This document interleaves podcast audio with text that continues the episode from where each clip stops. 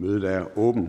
Socialdemokratiets folketingsgruppe har meddelt mig, at den til bestyrelsen for Dansk Institut for Parti og Demokrati har udpeget Lasse Ryberg som medlem per 7. februar 2023 i stedet for Daniel Toft. Den pågældende er herefter valgt. I dag er der følgende anmeldelser. Uddannelses- og forskningsministeren lovforslag nummer 34 om beløb, som studerende kan modtage som en erkendelighed under ulønnet projektorienterende forløb og ulønnet praktik med videre. Ministeren for Landdistrikter lovforslag nummer 35 om forsøgsordning for udvidet vintercamping og nummer 36 om fremme af vedvarende energi i den fysiske planlægning og effektivisering af sagsbehandling i Planklagenævnet og Miljø- og Fødevareklagenævnet. Klima-, energi- og forsyningsministeren lovforslag nummer 37 om implementering af forskellige aftaler om grøn omstilling herunder dele af PTX-aftalen af 15. marts 2021. Indrigs- og sundhedsministeren lovforslag nummer 38 om kommunernes kontrol med bopælsregistreringen i CPR og nummer 39 om bopælsregistrering i Danmark og Grønland af personer, som er beordret til tjeneste uden for riget, optagelse på folketingsvalglisterne i Danmark og Grønland med videre. Erhvervsministeren. Lovforslag nummer 40 om skærpet ansvarsvurdering for ledelsesmedlemmer med videre i finansielle virksomheder og ændring af regler om egnethed og hæderlighed med videre. Nummer 41 om etablering af statsgaranti på lån til udskiftning af olie- eller gasfyr med anden opvarmningskilde i landdistriktsområderne uden for fjernvarmenettet. Og nummer 42 om kreditforeningen af kommuner og regioner i Danmark. Karina Lorentzen Denhardt og Anne Valentina Bertelsen beslutningsforslag nummer 27 om selvstændig kriminalisering af internationale forbrydelser af dansk ret, herunder tortur, krigsforbrydelser og forbrydelser mod menneskeheden. Hr. Pelle Dragsted med flere beslutningsforslag nummer 28 om åbenhed om privat partistøtte. Han Nick Zimmermann med flere beslutningsforslag nummer 29 om, at kun danske statsborgere skal kunne stemme til danske valg. Titler på de anmeldte sager vil fremgå af folketingstidende.dk. Justitsministeren har meddelt mig, at justitsministeren ønsker i henhold til forretningsordens paragraf 19 stykke 4 at give Folketinget en skriftlig redegørelse om, om status over dansk politis situation i forhold til Europol. Redegørelsen vil fremgå af folketingstidende.dk, og redegørelsen vil komme til forhandling tirsdag den 28. februar 2023. Udenrigsministeren har meddelt mig, at han ønsker i henhold til forretningsordens paragraf 19 stykke 4 at give Folketinget en skriftlig redegørelse om samarbejdet i Arktis og en skriftlig redegørelse om udviklingen i EU-samarbejdet. Redegørelserne vil fremgå af folketingstidende.dk, og redegørelserne vil komme til forhandling tirsdag den 14. marts 2023. Det eneste punkt på dagens dagsorden er besvarelse af oversendte spørgsmål til ministerne. Inden vi starter, skal jeg meddele, at spørgsmål nummer 10 er hr. Nick Zimmermann til børne- og undervisningsministeren udgår af dagsordenen efter ønske, ønske fra spørgeren, og medspørger udgår på spørgsmål 2 og på spørgsmål 3. Og vi går så til første spørgsmål, og det er til justitsministeren af fru Rosa Lund.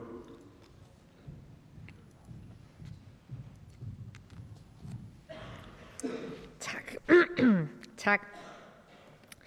Mener ministeren, at, det er demokratisk, at der er et demokratisk problem i, at partierne bag den nye flertalsregering samtidig udgør flertallet i udvalget vedrørende efterretningstjenesterne henset til, at det er det eneste sted, hvor den lovgivende magt kan føre kontrol med den udøvende magt på lige netop efterretningsområdet? Ministeren. Jamen, tak for ordet, og også tak til spørgerne for, øh, for spørgsmålet. Det er afgørende, at der i et demokrati som det danske føres tilsyn og kontrol med efterretningstjenesternes virksomhed, og herunder jo altså også parlamentarisk kontrol. Det er samtidig en grundlæggende forudsætning, at alt ikke kan lægges åbent frem, hvis efterretningstjenester skal kunne varetage deres opgaver med at sikre statens sikkerhed og modvirke trusler mod Danmark og danske interesser i udlandet. Det er på den baggrund, at Folketinget i 1988 besluttede at etablere et særligt parlamentarisk udvalg på efterretningsområdet. Udvalget vedrørende efterretningstjenesterne, der populært kaldt UET, er etableret med det formål at have indseende med efterretningstjenesternes arbejde. Det vil sige, det er fortroligt, hvad der drøftes i udvalget. Udvalget består af fem folketingsmedlemmer, som udpeges af de partigrupper, der har sæde i Folketingets præsidium, det vil sige de fem største partier i Folketinget. Det fremgår således af bemærkningerne til UET-loven, at der med etableringen af udvalget gives medlemmer af de typisk større politiske partier adgang til at få indseende med efterretningstjenesternes virksomhed.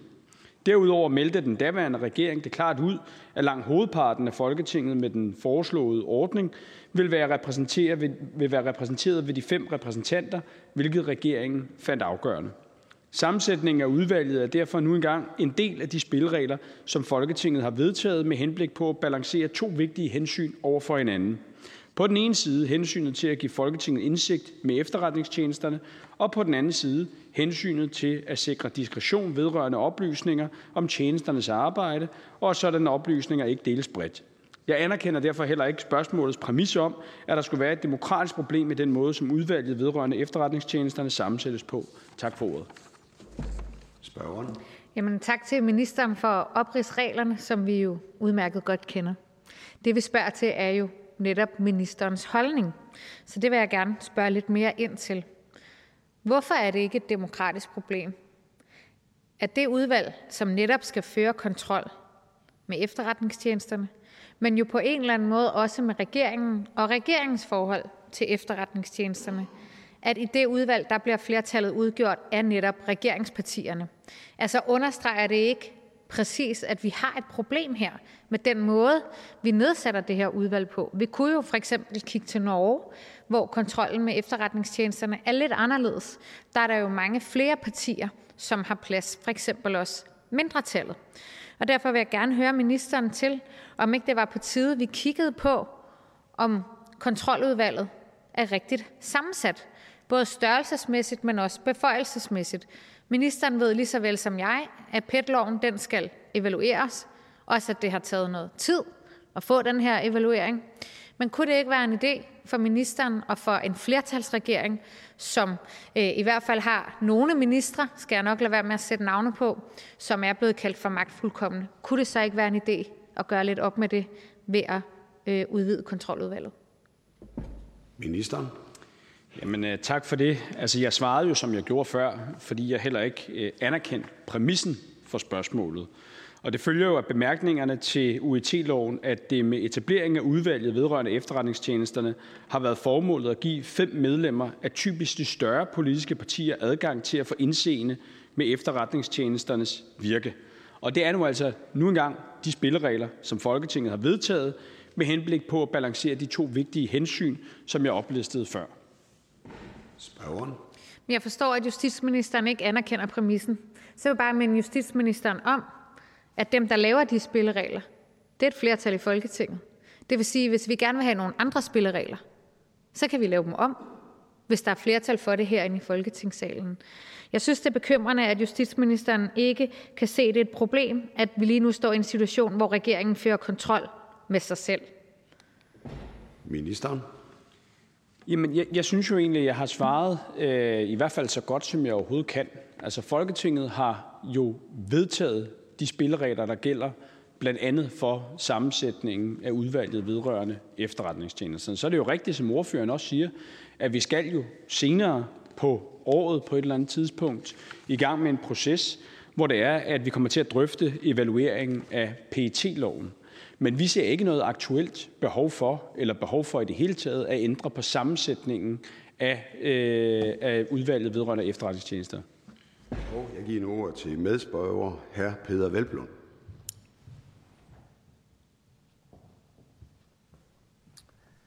Tak for det. Jamen, jeg vil godt øh, høre justitsministeren efter om, altså nu siger justitsministeren, at han ikke kan anerkende præmissen, men det er jo sådan, at øh, det er en lidt særlig situation, vi står i nu med en ny flertalsregering, som så også udgøres af de tre største partier øh, i Folketinget. Og det gør jo netop, at ud over de beføjelser, som vi jo kan se på, og som er med til, øh, hvor der selvfølgelig skal være et hensyn til fortrolighed, men det gør jo også, at det flertal, der så er i kontroludvalget, også udgøres af regeringen, og at der dermed ligger en klar modsætning i forhold til Folketingets mulighed for at føre kontrol med både regeringen og efterretningstjenesterne, fordi det bliver begrænset af, at det nu er et, øh, et flertal i kontroludvalget nu udgøres af, af, af, af regeringspartierne. Altså, den præmis vil justitsministeren ikke anerkende, at det grundlæggende ændrer forudsætningerne for, hvordan man har set på kontroludvalget, fordi det nu netop er regeringen selv, der fører kontrol med sig selv? Ministeren. Grunden til, at jeg ikke anerkender den præmis, det er jo, fordi det er ikke regeringen, der fører kontrol med sig selv. Det er jo stadigvæk Folketinget, der skal føre kontrol med regeringen gennem udvalget vedrørende efterretningstjenesterne. Så er det rigtigt, at det udvalg er jo sammensat, ligesom så mange andre udvalg i Folketinget er, øh, i øvrigt efter hvad der fremgår af grundlovens paragraf 52, efter sammensætningen af Folketingets stående udvalg sker efter forholdstal, således at pladserne i de forskellige udvalg fordeles efter partiernes størrelse. Og derfor er det også efter partiernes størrelse, hvem det er, der har siddet i kontroludvalget. Medspørgeren. Men nu er kontroludvalget jo et helt særligt organ i og med, at det fører kontrol med efterretningstjenesterne. Så derfor er det jo både et spørgsmål om at føre kontrol med regeringen og med efterretningstjenesterne. Og det er jo derfor, det er også afgørende at sikre, at der er den demokratiske legitimitet, der sikrer, at den eneste mulighed, der er for at føre kontrol, den også er bredt ud, så den er, dyb, eller den er bredt forankret i, øh, i Folketinget. Så kan ministeren ikke se, at der er et særligt problem i forhold til kontroludvalget, fordi det netop er et særligt udvalg, som er nedsat både for at få kontrol med regeringen, men også med efterretningstjenesterne? Ministeren. Jamen, altså, som jeg nævnte før, også i, øh, i svaret til fru Rosa Lund, så øh, som hr. Peter Velblom også ved, så oversendte Justitsministeriet jo øh, i sommer øh, en evaluering af PET-loven, og øh, det kommer vi jo selvfølgelig til at drøfte med Folketingets partier. Der kan Folketingets partier jo rejse de ønsker, man måtte have øh, af, af ønsker i, i forhold til at revidere den lov. Men, men jeg vil samtidig sige også, jeg anerkender ikke præmissen af flere årsager for det, der er spørgsmålet. Hverken at det skulle være et demokratisk problem, og heller ikke det, som jeg lidt hører, der ligger under neden, nemlig at man ikke kan have samme tillid til de repræsentanter af de partier, som i øvrigt er repræsenteret i regeringen, for at de gør deres arbejde med at sikre, øh, at der er den fornødne kontrol med efterretningstjenesterne i regi af kontroludvalget. Og nu går ordet tilbage til den oprindelige spørger. Tak.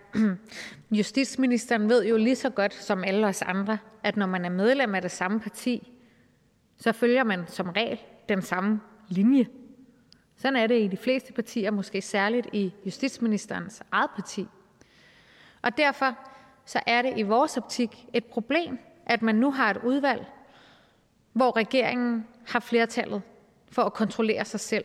Det er jo fordi, det er så afgørende i et demokrati, at mindretallet også er med til at udføre den kontrol, både med efterretningstjenesterne og med regeringen. Og vores stille og rolige pointe er blot, at når det kan lade sig gøre i Norge, hvorfor skulle det så ikke også kunne lade sig gøre i Danmark? Ministeren for en afsluttende bemærkning. Jamen, i, i forhold til de videre drøftelser, så vil jeg hilse alle forslag fra enhedslisten velkommen, men jeg også bare melde klart ud på forhånd, at øh, vi ser hverken, at der er et demokratisk problem, og heller ikke anerkender jeg overhovedet præmissen af, at de medlemmer af Folketinget, som er repræsenteret i kontroludvalget, ikke skulle gøre deres arbejde eller tage deres arbejde alvorligt nok, fordi de samtidig er repræsenteret af partier, der også er repræsenteret i regeringen. Og i øvrigt, og det er jo bare en sidebemærkning af historisk karakter, så kender fru Rosa Lund sin politiske Danmarks historie dårligt, hvis det er, at hun postulerer, at særligt i mit parti, at der skulle være en tradition for at følge den samme linje. Og det afslutter spørgsmålet. Vi går videre til spørgsmål 2, også til justitsministeren, og det er fru Mette Thiesen.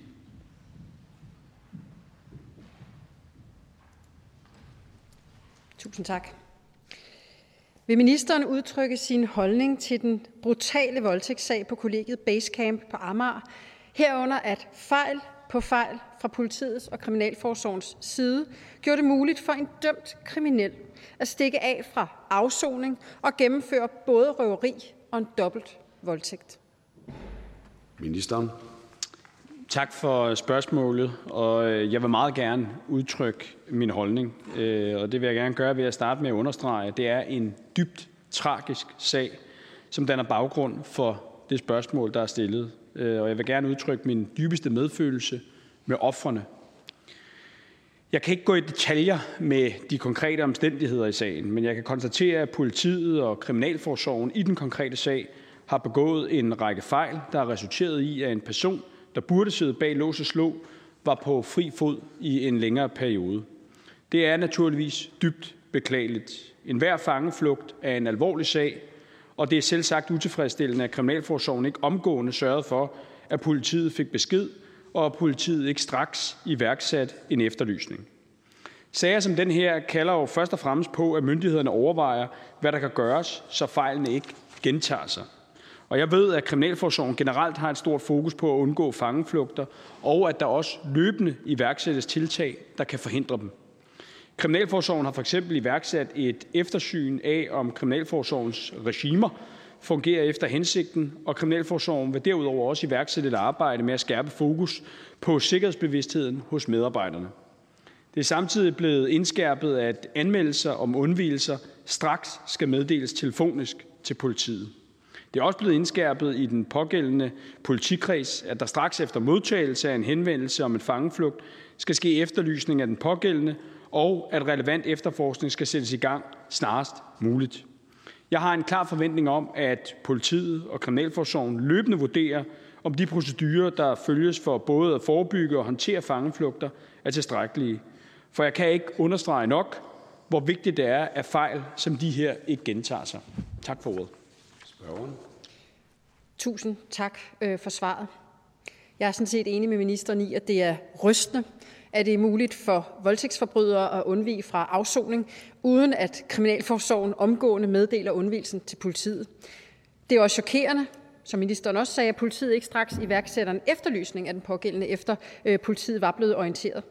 Og hvorfor bliver den tiltalte, der tidligere er dømt 11 gange før, blandt andet for en overfaldsvoldtægt, ikke idømt forvaring tidligere? Har anklagemyndigheden eller domstolen heller ikke løftet deres ansvar i den her sag? Ministeren. Jamen, som, som jeg lidt indledte med at svare før, så, så kan jeg øh, så er jeg af principielle grunde øh, tilbageholdende med at udtale mig om den konkrete sag. Men det siger jo sig selv, at det er vigtigt, at Kriminalforsorgen løbende har fokus på at placere indsatte i de rette sikkerhedsmæssige rammer. Og det fører jo lidt over til spørgsmålet om, om det var rigtigt at være i et åbent fængsel. I sensommeren 2022 så i gang sat Kriminalforsorgen et større eftersyn af Kriminalforsorgens regimer om placering i åbnet, lukket eller arrestregime. Og det skal jo blandt andet kortlægge, om de eksisterende regimer de fungerer efter hensigten. Spørgeren. Jeg må indrømme, at jeg er oprigtigt bekymret for danskernes sikkerhed, når voldtægtsforbrydere uden videre kan flygte fra fængslet, øh, uden at politiet eller kriminalforsorgen tager øh, situationen seriøst og omgående iværksætter tiltag for at indfange de her farlige straffefanger. Og det er jo også grotesk, at man kan idømmes øh, dømmes for nogle voldtægter, uden at man sidder inde i lukket regi, som ministeren jo også siger. Og som folkevalg, der kan man godt få det indtryk, at der er noget helt galt i vores retsvæsen. Vil ministeren kommentere på det? Ministeren. Øh, jeg tror, det vil være for langt at gå og sige, at der er noget helt galt i vores retsvæsen. Men, men det siger jo sig selv, at det her det er på alle måder en tragisk sag for offrene. Det er en dybt beklagelig sag, hvor det er, der helt åbenlyst jo også er begået en lang række fejl. Og, og derfor så har Kriminalforsorgen jo altså også iværksat en række initiativer på baggrund af den konkrete sag. Det er blevet indskærpet over for alle åbne fængsler, at undvielser skal anmeldes telefonisk til politiet. Øh, Kriminalforsorgen har gennemført en øh, sikringsteknisk gennemgang af Kriminalforsorgens matrikler med fokus på både fysisk sikkerhed, sikringstekniske installationer og bygningsmasse, og så er Kriminalforsorgen også i færd med at gennemgå undvielser fem år tilbage med henblik på at identificere tiltag, som på kort og lang sigt kan styrke sikkerheden. Spørgeren. Jeg er glad for, at ministeren er opmærksom på, på det åbenlyst problematiske øh, i det her. Vil ministeren så samtidig gå med til at løse problemet? At man måske også fra anklagemyndighedens side tidligere i forløbet nedlægger påstand om forvaring, som det jo endte med i den sidste sag her. Og synes ministeren, at det er forsvarligt, er rimeligt, at overfaldsvoldtægter ikke altid vil føre til afsoning i et lukket fængsel, eller vil ministeren sikre, at det fremover bliver tilfældet? Ministeren.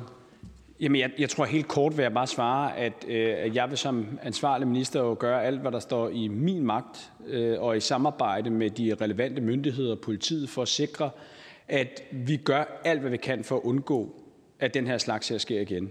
Det handler jo selvfølgelig både om, at øh, gerningsmænd, der bliver dømt for, øh, for øh, straffelovsovertrædelser, de også bliver placeret i de rette regimer efter, hvor stor en fare de udgør, men jo selvfølgelig også, som Kriminalforsorgen jo allerede har sat et gang i et arbejde med, at sikre, at man gør alt, hvad man kan for at undgå fangeflugter i fremtiden.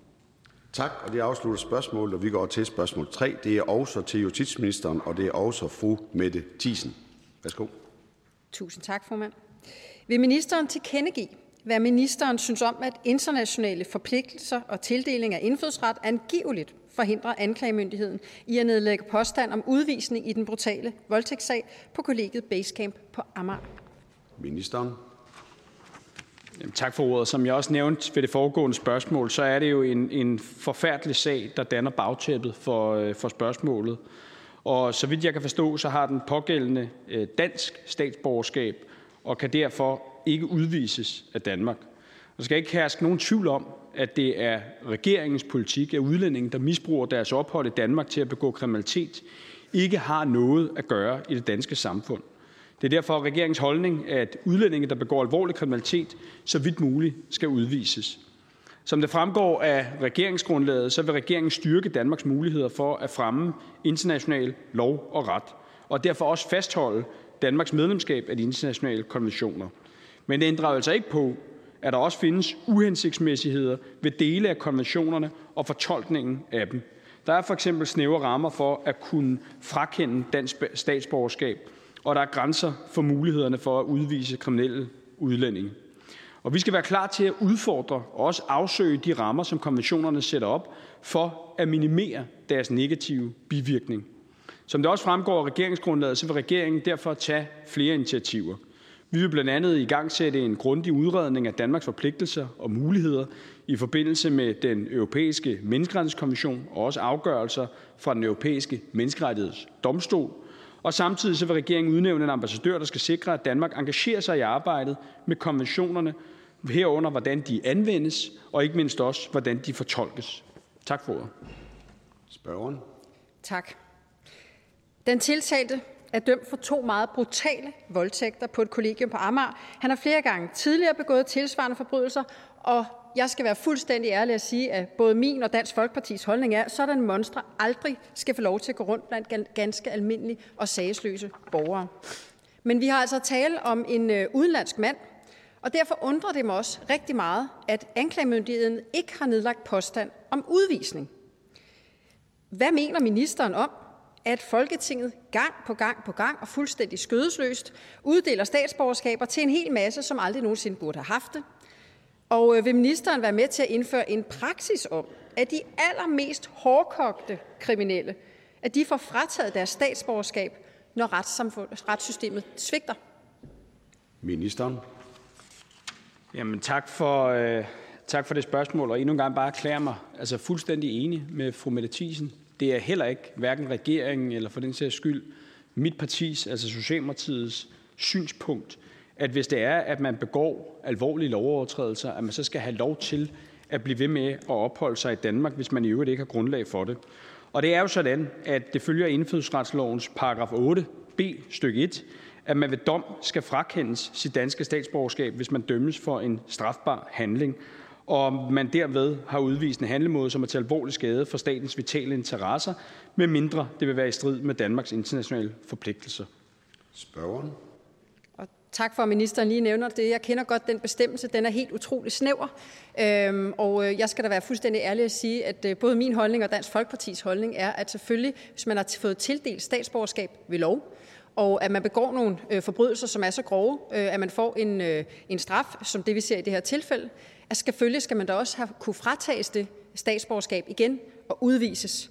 Øh, og der kunne jeg egentlig bare godt tænke mig at høre ministeren om regeringens holdning til det.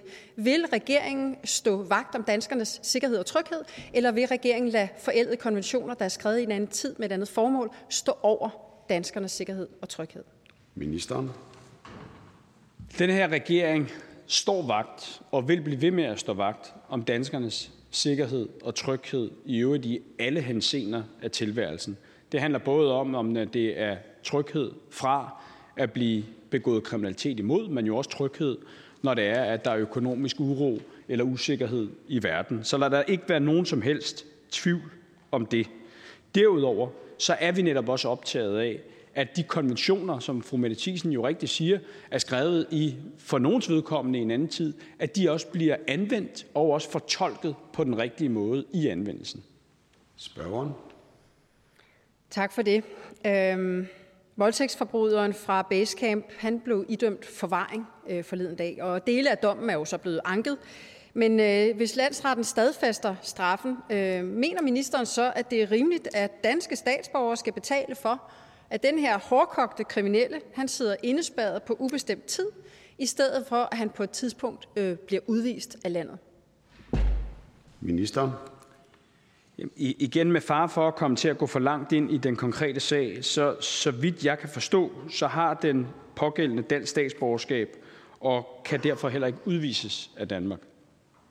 Og det afslutter spørgsmålet. Vi siger tak til fru Mette Thiesen, og vi går videre i spørgerækken til også til justitsministeren, og det er fru Solbjørg Jacobsen.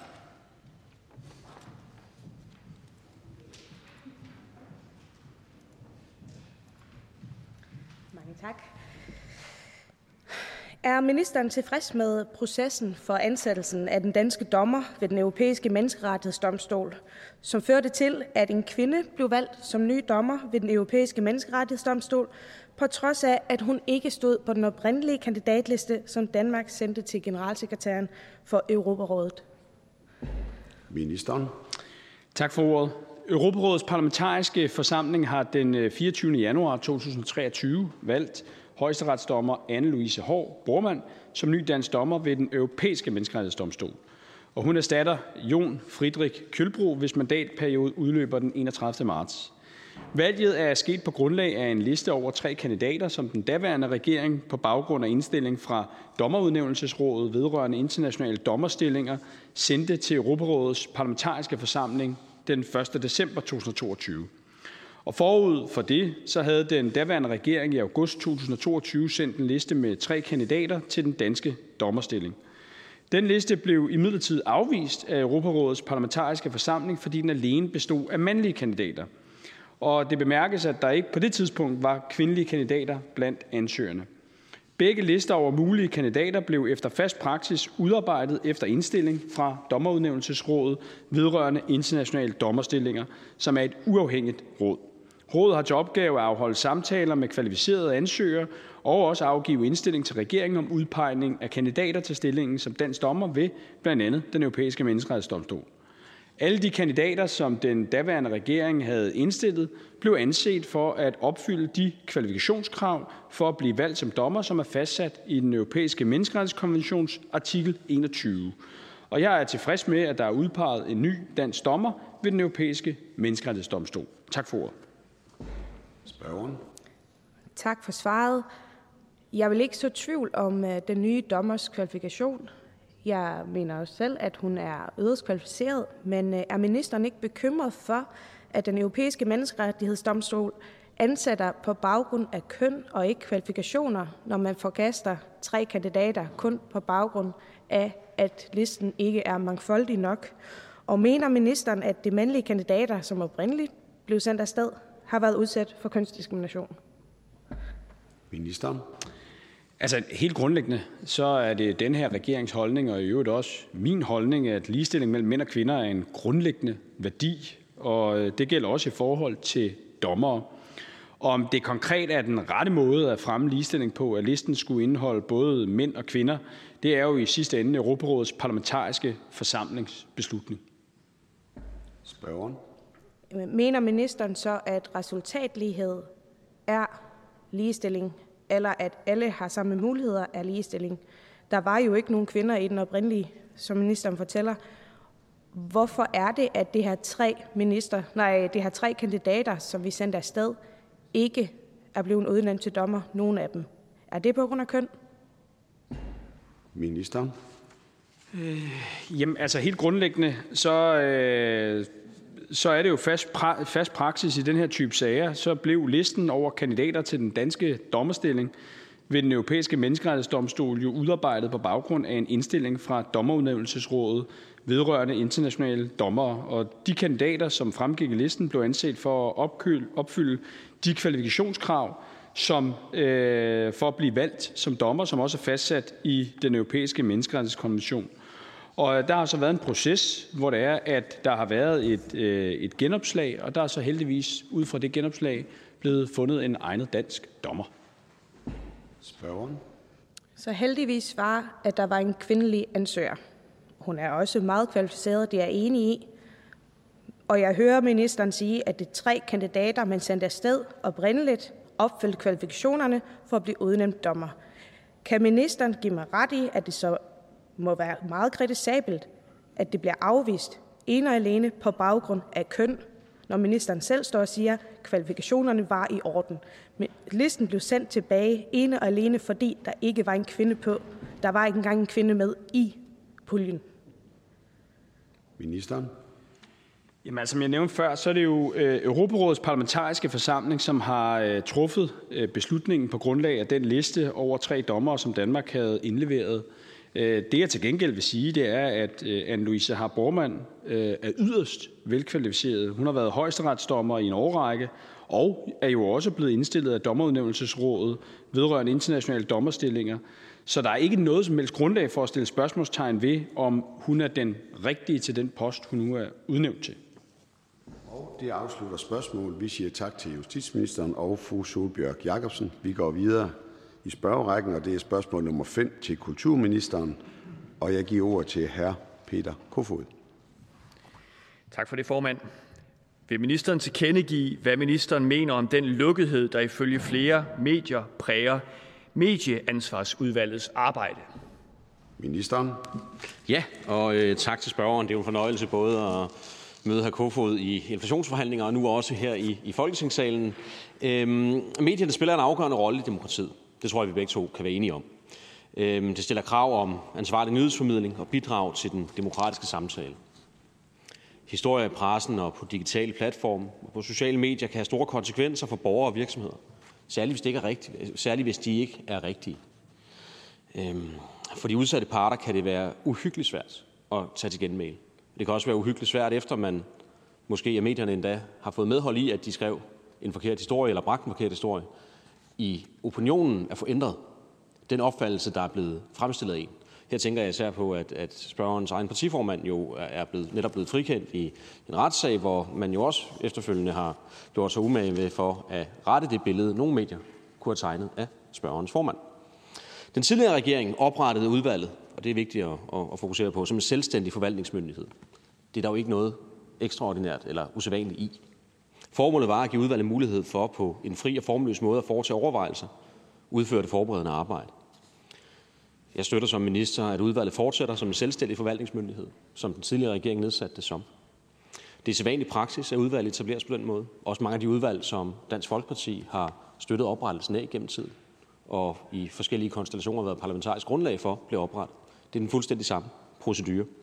Endelig vil jeg også nævne, at pressen er rigt repræsenteret i udvalget, så der er jo ikke nogen, der holdes udenfor. Sværtimod er det jo et, kan jeg forstå, relativt højspændt mødeforum, hvor der er mange og meget store meninger, der bliver udvekslet i udvalgets arbejde. Spørgeren. Tak for besvarelsen. Jeg kan jo øh, fuldstændig istemme, at det er også en fornøjelse at møde kulturministeren her, og ikke kun øh, i andre regier over i, i regeringen og i møde, mødeværelserne. Men, og jeg er for så vidt også øh, meget enig i store dele af ministerens besvarelse nemlig at medierne jo spiller en enorm vigtig rolle øh, for vores samfund, for vores demokrati. Der er ingen tvivl om, at det har meget stor indflydelse på, øh, hvordan hele vores samfund udvikler sig. Og derfor så er det her udvalgs arbejde jo også noget, der bliver fuldt tæt, tror jeg ikke bare af Folketingets partier, men også af medierne, også af store dele af befolkningen måske, der har en interesse i, hvordan det her arbejde bliver tilrettelagt. Og derfor er det jo også det er, jo, det, er jo, det er jo en særpræget situation at se, at der er udvalg, øh, udvalgsmedlemmer, øh, som er ude og kritisere den måde, arbejdet tilrettelægges på, og siger, at, at øh, det er for mørkelagt, altså siger, at det er for svært for frie medier at få indsigt i det arbejde, øh, der foregår. Og så er der en formand, der har et helt andet indtryk, må man forstå, af hvordan den slags udvalgsarbejde skal tilrettelægges. Og jeg prøver bare at finde ud af, fordi det er jo rigtigt, som kulturministeren siger, at det her udvalg det er jo blevet nedsat af den tidligere regering. Og jeg står her så i dag for at finde ud af, hvad den nuværende regering måtte mene. Altså er den nuværende kulturminister enig med de udvalgsmedlemmer, som synes, her er et problem, Eller er den nuværende kulturminister enig med udvalgsformanden i, øh, at, der, at det er fint, at man for eksempel undtager øh, eller ikke har agtindsigt øh, i, i de henvendelser, der måtte komme osv. Så, så jeg er sådan set bare ude på at finde ud af, hvor jeg har regeringen i det spørgsmål, og det håber jeg, at jeg får svar på i dag. Ministeren. Ja, naturligvis skal hr. Kofod have svar på, på sine spørgsmål, også konkret. Jeg har fået held til at videreføre et ekspertudvalg, eller en gruppe for national arkitekturpolitik. Det er et af de andre udvalg, som på kulturministerens ressortområde og kulturministeriets ressortområde også er en selvstændig forvaltningsmyndighed, og i øvrigt følger den helt samme tradition for, at udvalg, både internt og eksternt, er selvstændig forvaltningsmyndighed. Øhm, det er jo en procedure, der betyder, at det forberedende arbejde, udvalget øh, foretager, indtil at man udkommer med et resultat, ikke er underlagt agtindsigt, men til gengæld bliver øh, gjort offentligt, når arbejdet er færdigt. Og det er jo på samme måde i regeringens medieansvarsudvalg, at resultatet vil jo blive offentliggjort, og offentligheden vil blive inddraget til den debat, der efterfølgende unægteligt vil foregå om udvalgets konklusion. Spørgeren. Jeg synes jo godt, man kunne være lidt tydeligere på, hvor en sådan sympatier ligger. Kulturministeren er dog politiker og er et meningsmenneske. Det har jeg i hvert fald øh, noteret mig ved tidligere lejligheder. Så vil jeg gerne spørge kulturministeren, om han er enig med udvalgsformanden i, at citat, lukkethed kan være godt, eller citat, at danske medier kan være undergravende for folkestyret og det almene vel? Ministeren. I og med, at udvalgsarbejdet jo foregår med en vis armslængde, så tror jeg ikke, at jeg her i Folketingssalen vil forholde mig til det nuværende, eller den nuværende fremdrift og fremskridt i arbejdet, hverken for de af pressens medlemmer, der har kritiseret udvalgsformanden eller udvalgsformandens replikker. Men jeg tænker, at hr. Peter Kofod vil være enig med mig i, at hvis der var fuld agtindsigt i alle de gruppemøder, der var i Dansk Folkeparti, og ikke i de politiske meldinger, man i gruppen nåede frem til, ville det forstyrre arbejdsprocessen. Det er jo på samme måde, jeg betragter arbejdet i medieansvarsudvalget. Der sidder nogle dygtige mennesker, der er udpeget af den tidligere regering. Jeg har videreført arbejdet.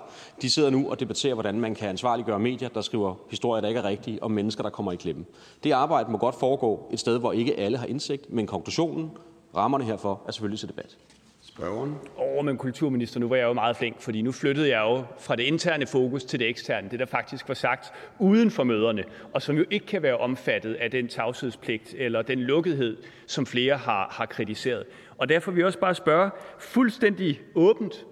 Lukkethed, kan det være godt, og er danske medier undergravende for folkestyret og det almene vel? Er ministeren enig med udvalgsformanden i det? Ministeren. Jeg har den, øh, den holdning, at danske medier er fuldstændig afgørende for, for demokratiet. Og det er en, en, en fri og uafhængig presse. Det er en præmis for, at vores demokrati fungerer. Jeg er så også øh, af den opfattelse, at det er vigtigt, at man i et udvalgsarbejde, hvor der er sensitive drøftelser, har mulighed for at have et rum, hvor man ikke kan nødvendigvis være tvunget til at referere samtlige samtaler. Du og jeg, ordføreren og jeg, har også forhandlinger over i det røde palæ i Finansministeriet, som jo heller ikke er underlagt agtindsigt, men hvor konklusionen af de inflationsforhandlinger, vi måske udkommer med sammen, vil være til stor folkelig debat. Og det afslutter spørgsmålet. Vi siger tak til kulturministeren og til hr. Peter Kofod. Vi går videre til spørgsmål 6. Det er til erhvervsministeren, og jeg giver nu ordet til fru Lisbeth Bæk Nielsen.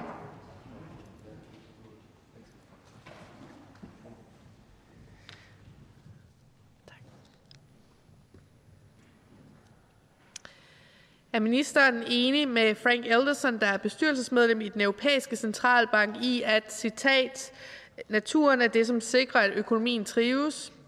Citat slut. Det vil sige, at naturen er fundament for, at vi kan have en økonomi. Ministeren. Tak for øh, spørgsmålet. Der er ingen tvivl om, at øh, naturen er under pres. Det er den både herhjemme, men det er den jo også øh, globalt. Og der er heller ikke nogen tvivl om, at naturen og naturen i sig selv har en økonomisk værdi og omkostningerne ved ikke at handle eksempelvis i forhold til vil være et tab af biodiversitet, og de kan være høje.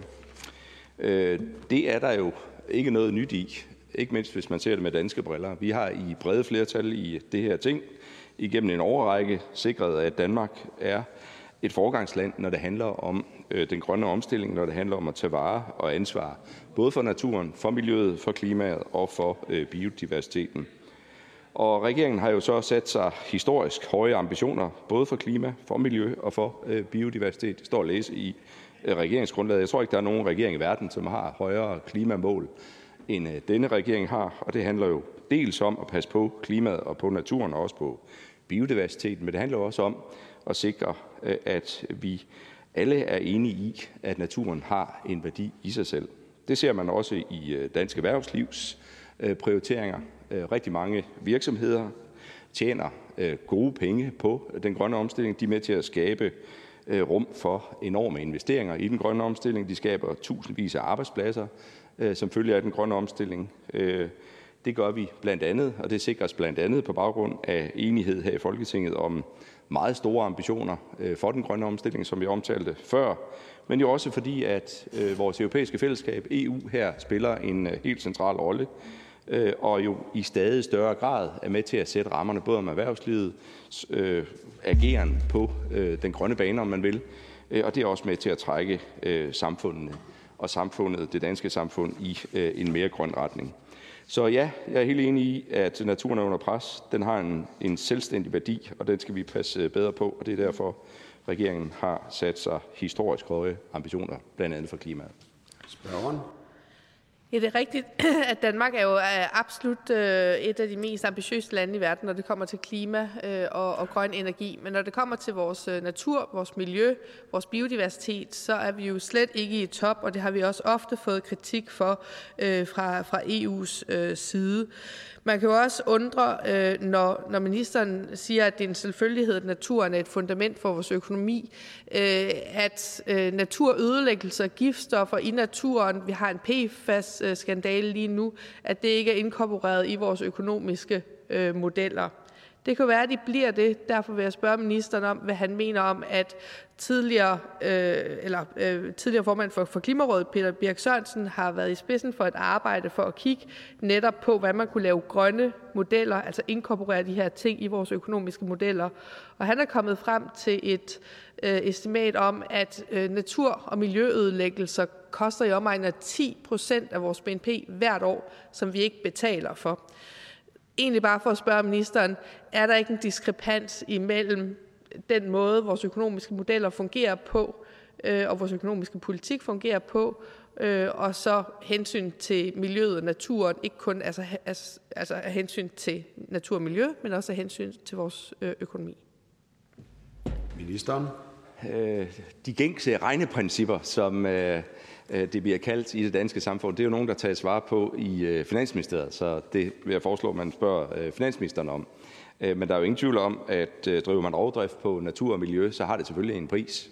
Og, og, og det er jo ikke bare noget, vi kan stå her og blive enige om. Det er rigtig mange jo enige om i dag. Jeg kommer lige fra rådsmødet i EU i går i Stockholm, hvor man diskuterer EU's industripolitik. Og hvad er det, der står øverst på dagsordenen der? Det er den grønne omstilling. Det er kampen om nye grønne teknologier, det er understøttelse af øh, grøn omstilling. Så det er bredt anerkendt, at grøn omstilling er godt også for øh, så frem, øh, øh kan man sige, altså fremme økonomier, som den europæiske økonomi er. Spørgeren. Nu fik jeg tildelt erhvervsministeren i forhold til det her øh, spørgsmål. Derfor tillod jeg mig også at stille et spørgsmål omkring regnemodellerne, som jeg ved, øh, ministeren er øh, godt øh, inde i. Øh, men jeg skal gerne stille det til, til finansministeren igen øh, også. Øh, det er jo simpelthen bare fordi, at jeg undrer mig over den diskrepans imellem, hvordan vi agerer i virkelighedens verden, hvordan vores økonomiske regnemodeller, gængse regnemodeller er, og så det, vi hører fra mange sider, en selvfølgelighed omkring, at naturen øh, og naturressourcerne er fundamentet for vores øh, økonomi. Øh, men jeg vil bare takke ministeren for at sige så klart og tydeligt, at jo, naturen er fundamentet for vores økonomi. Der må man jo også udlede, at naturødelæggelser og forureninger, PFAS og lignende, at det burde man også prissætte, fordi der jo har en konkret, også økonomisk øh, ødelæggelse og negativ konsekvens på vores økonomi. Ministeren. Jo, altså spørgsmålet om regnemodeller behøver ikke at øh, være længere væk, end vi jo begge godt ved, at der er i gang sat et arbejde, øh, som øh, jeg tror bliver rigtig godt øh, under øh, overskriften grøn øh, reform. Øh, og målet er jo lige nøjagtigt, at øh, de her hensyn, vi her taler om, altså energi- og klimahensyn, øh, skal indgå i øh, vores øh, øh kan man sige, trættelæggelse af vores øh, samfundsøkonomi. Og det er jo endnu en understregning af, at vi øh, også her ser på konsekvenserne øh, for øh, klima- og øh, miljø- og energipolitikken. Så jeg tror sådan set ikke, vi er så uenige. Jeg er glad for, at øh, vi er enige om, et, naturen har en pris, to, det har også en pris, hvis man ikke tager hensyn til naturen. Øh, og der har vi jo heldigvis øh, i mange år i Danmark været øh, så heldige, at vi har stået meget langt fremme i kampen for den grønne omstilling. Spørgeren. Jeg tror, vi taler lidt forbi hinanden i forhold til, når vi taler om, om klima på den ene side, hvor vi er meget ambitiøse, og så vores øh, natur og, og biodiversitet på den anden side. Men, men jeg vil alene bare i dag igen være glad for, at ministeren så entydigt siger, at naturen, ud over klimaet, så også naturen, biodiversiteten, har en afgørende betydning for vores økonomi. Ministeren. Der var ikke fra ministeren. Det afslutter spørgsmålet. Vi siger tak til erhvervsministeren og tak til fru Lisbeth Bæk Nielsen. Går videre til spørgsmål nummer 7, og det er stilet til social- og boligministeren. Og jeg giver nu ordet til fru Susie Jessen. Ja, tak for ordet. Hvordan forholder ministeren sig til, at Køge Kommune har givet påbud om, at beboerne på Corona-camping skal fjerne sig fra campingpladsen senest den 15. februar 2023, men samtidig ifølge brev fra Social- og Sundhedsforvaltningen i Køge Kommune har givet afslag på at anvise en anden bolig til beboere på pladsen, og at beboerne dermed går ind i en fremtid som hjemløse? Ministeren. Tak for spørgsmålet, og tak for ordet. Øh, og jeg skal selvfølgelig indledningsvis gøre opmærksom på, at jeg ikke som minister går ind og blander mig i den konkrete sagsbehandling. Og jeg skal også gøre opmærksom på, at vi har det, der hedder et selvmøderprincip i Danmark. Og det vil sige, øh, det ved jeg godt ikke nødvendigvis er så attraktivt, men bare for at sige, at det, der hedder vores paragraf 110-tilbud, der kan man henvende sig af egen drift, uden at behøve godkendelse fra en kommune, øh, så man trods alt ikke står fuldstændig uden tag over hovedet. Øh, jeg vil også gerne starte med at sige, at der findes rigtig mange grunde til, at man bosætter sig på en campingplads. For nogle mennesker kan det være den eneste mulighed i en meget presset livssituation, øh, og for andre der kan det være et mere aktivt og positivt tilvalg. Og jeg tror, det findes i alle nuancer derimellem. Så bare for at sige, der kan være rigtig mange forskellige grunde til, at man gør det. Men uanset øh, hvad der gør sig gældende, og hvad der egentlig er baggrunden øh, for den enkelte, så skal helårs ophold på en campingplads ikke være løsningen på en boligmangel øh, for mennesker, øh, som ikke har andre valg. Der skal vi selvfølgelig som velfærdssamfund kunne hjælpe bedre. Og det vil sige, at de tilfælde, hvor der er tale om, at man ikke øh, føler eller decideret ikke har andre valg, der skal vi selvfølgelig øh, være behjælpelige. Men vi skal altså i Danmark under ingen omstændigheder have trailerparks.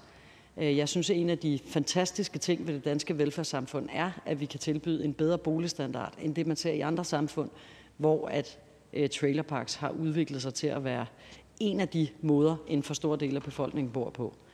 Jeg mener også, at vi i Danmark har gode alternativer til både campingpladser og til hjemløshed. Særligt øh, den almene sektor øh, tilbyder gode boliger til en relativt øh, lav øh, husleje.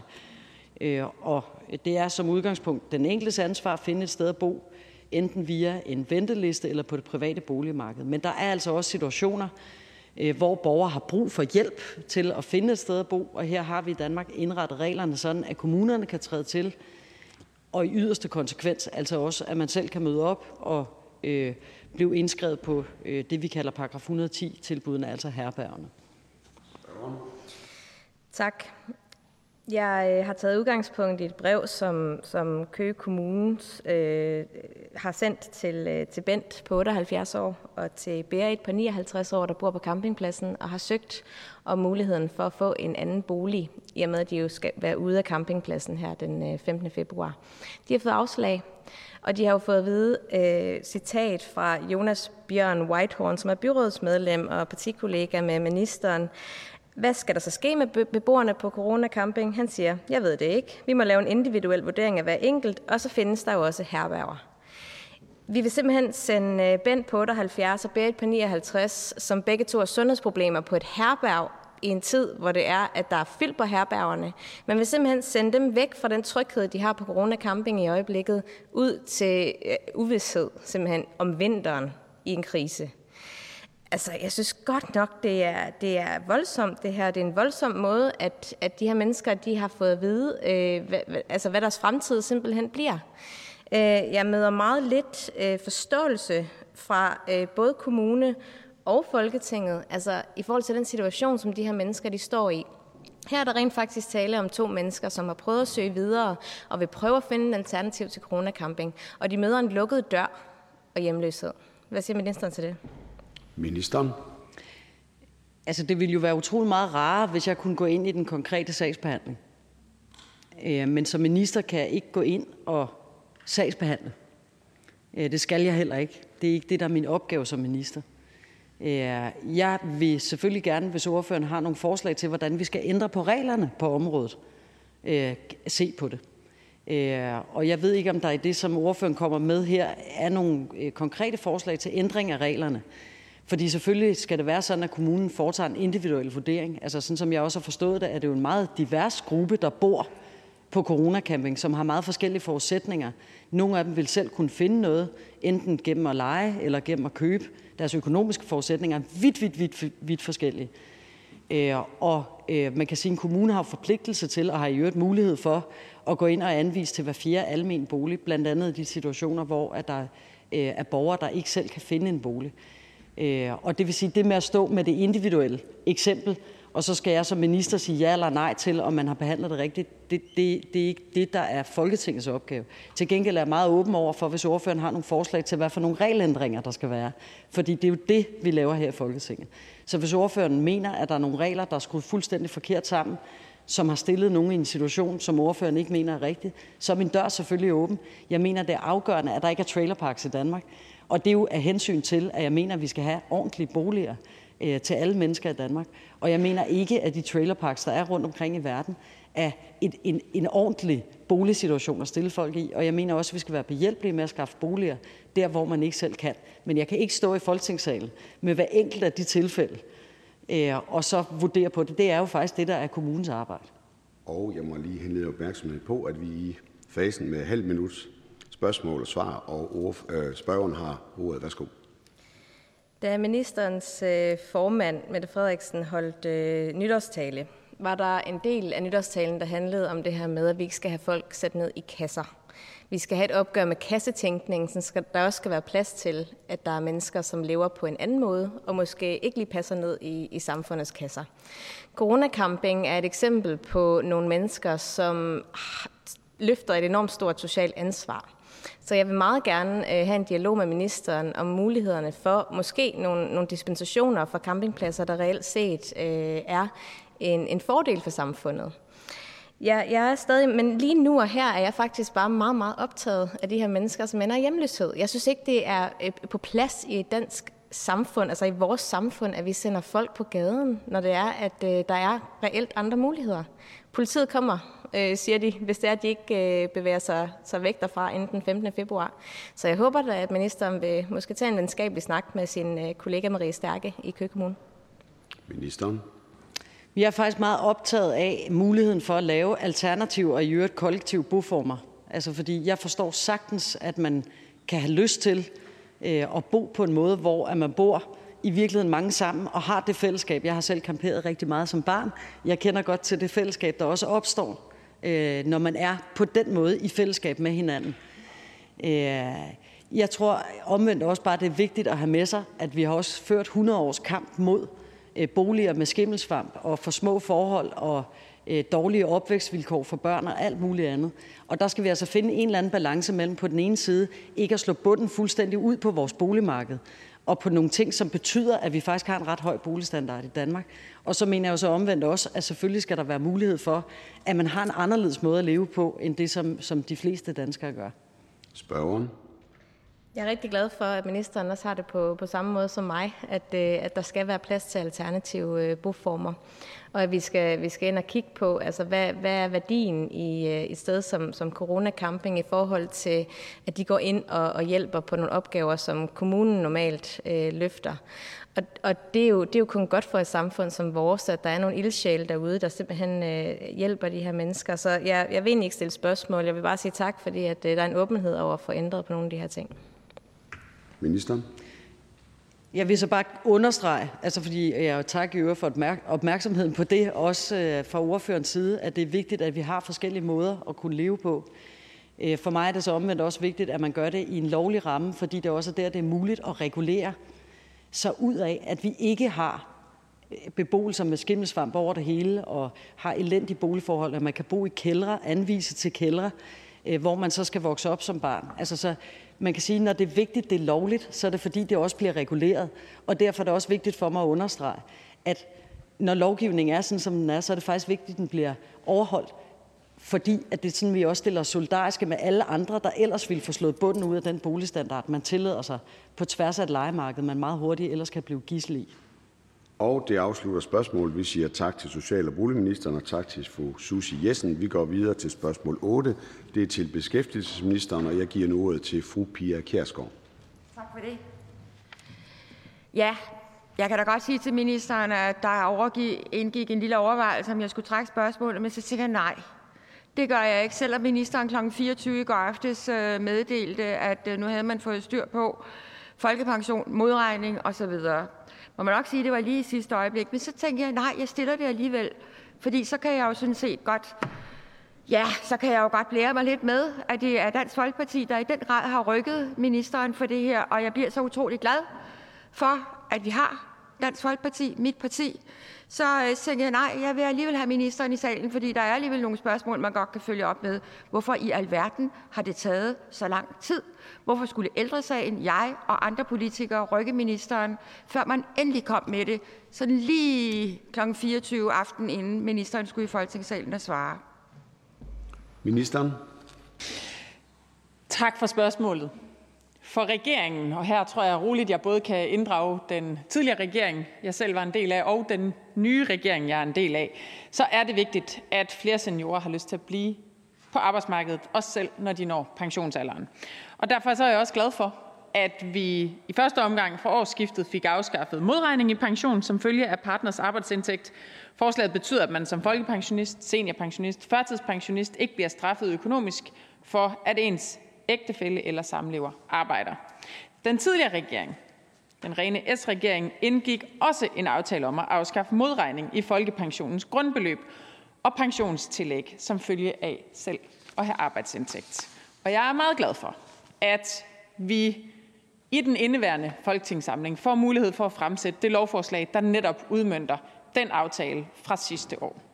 Som forudsat så vil ændringerne få tilbagevirkende betydning, det vil sige, at det træder i kraft 1. januar 23, og det betyder, at pensionister vil få efterreguleret deres grundbeløb og pensionstillæg efter de nye regler i starten af 24, som det hele tiden også har været en del af aftalen.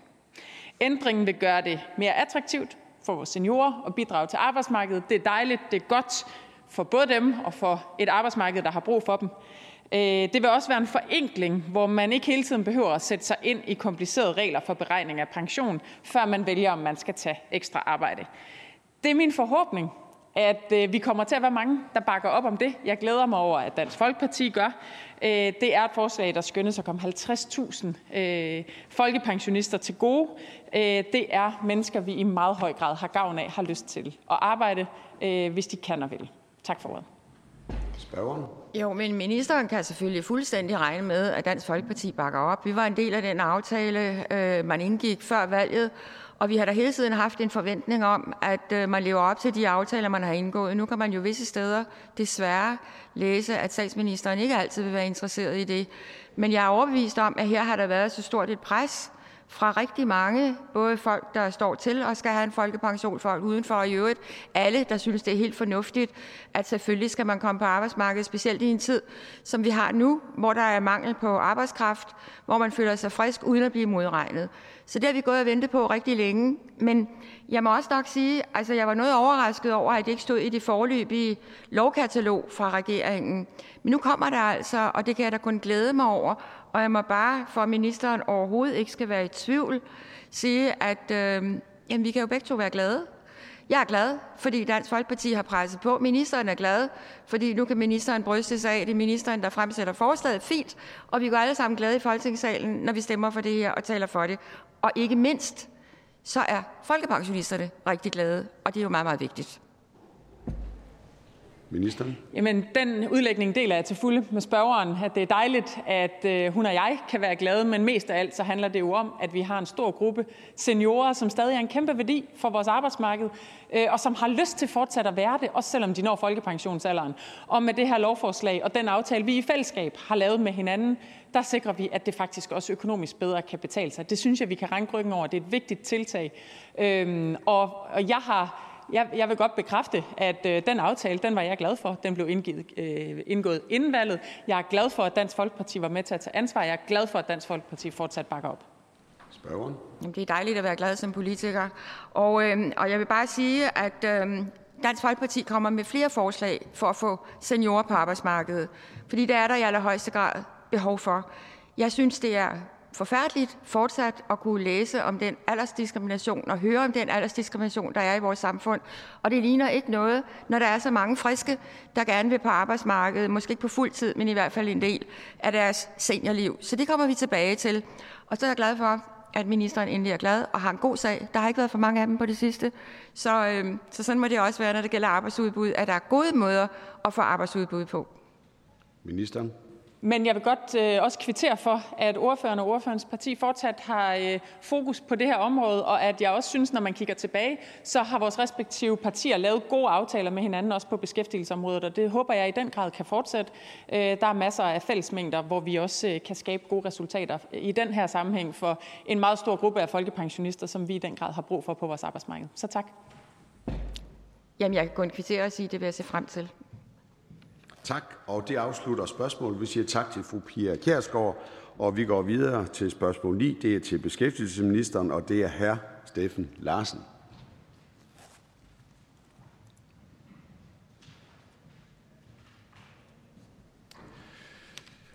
Pæn goddag til ministeren. Øhm, mener ministeren, at mere udlandsk arbejdskraft kan skade danske ledige i en øh, situation med udpræget mangel på arbejdskraft? Ministeren. Tak for spørgsmålet. Ja, det mener jeg, hvis man gør det uklogt og på en social uansvarlig måde. Regeringen ønsker et bæredygtigt arbejdsmarked. Det er fundamentet for vores velfærd, for vores velstand. Virksomhederne skal på den ene side have adgang til den arbejdskraft, de har brug for, men vi skal samtidig også sørge for, at vi skal have flest muligt ind i det arbejdende fællesskab i vores eget land. Og hverken jeg eller den samlede regering er bange for udenlandsk arbejdskraft. Tværtimod. Men det må ikke blive det eneste værktøj, vi griber til. Øh, vi skal også investere og satse på den danske arbejdsstyrke.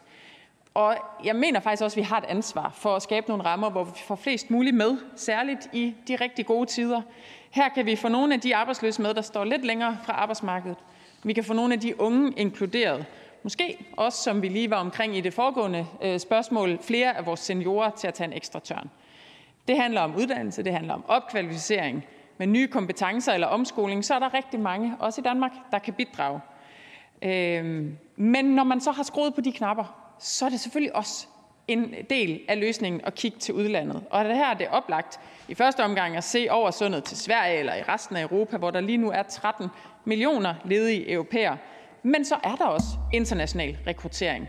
Og i sidste uge, der præsenterede regeringen en akutplan for sundhedsvæsenet, hvor udenlandsk arbejdskraft indgår som en del af løsningen. Og det står også sort på hvidt, at de tre regeringspartier er enige i regeringsgrundlaget om at gå videre og permanent gøre den aftale om styrket international rekruttering, som blev lavet sidste sommer.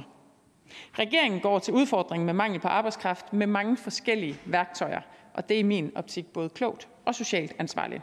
Tak for ordet. Spørgeren. Jo, men nu er det jo bare, at jeg har bemærket, at beskæftigelsesministeren hævder i et interview med Politiken den 24. januar 2023, at udlandsk arbejdskraft potentielt kan tage jobs fra danskere. Øh, et stort dansk studie fra 2015 viste det modsatte, nemlig at øh, danske lønmodtagere flyttede sig op i værdikæden og opnåede højere lønninger som konsekvens af indvandringen. Skyldes ministerens modstand mod udlandsk arbejdskraft, at ministeren ikke er godt nok bekendt med empirien på området. Konklusionen Øh, om højere løn til danskere genfindes også i Beskæftigelsesministeriets eget litteraturstudie fra 2018.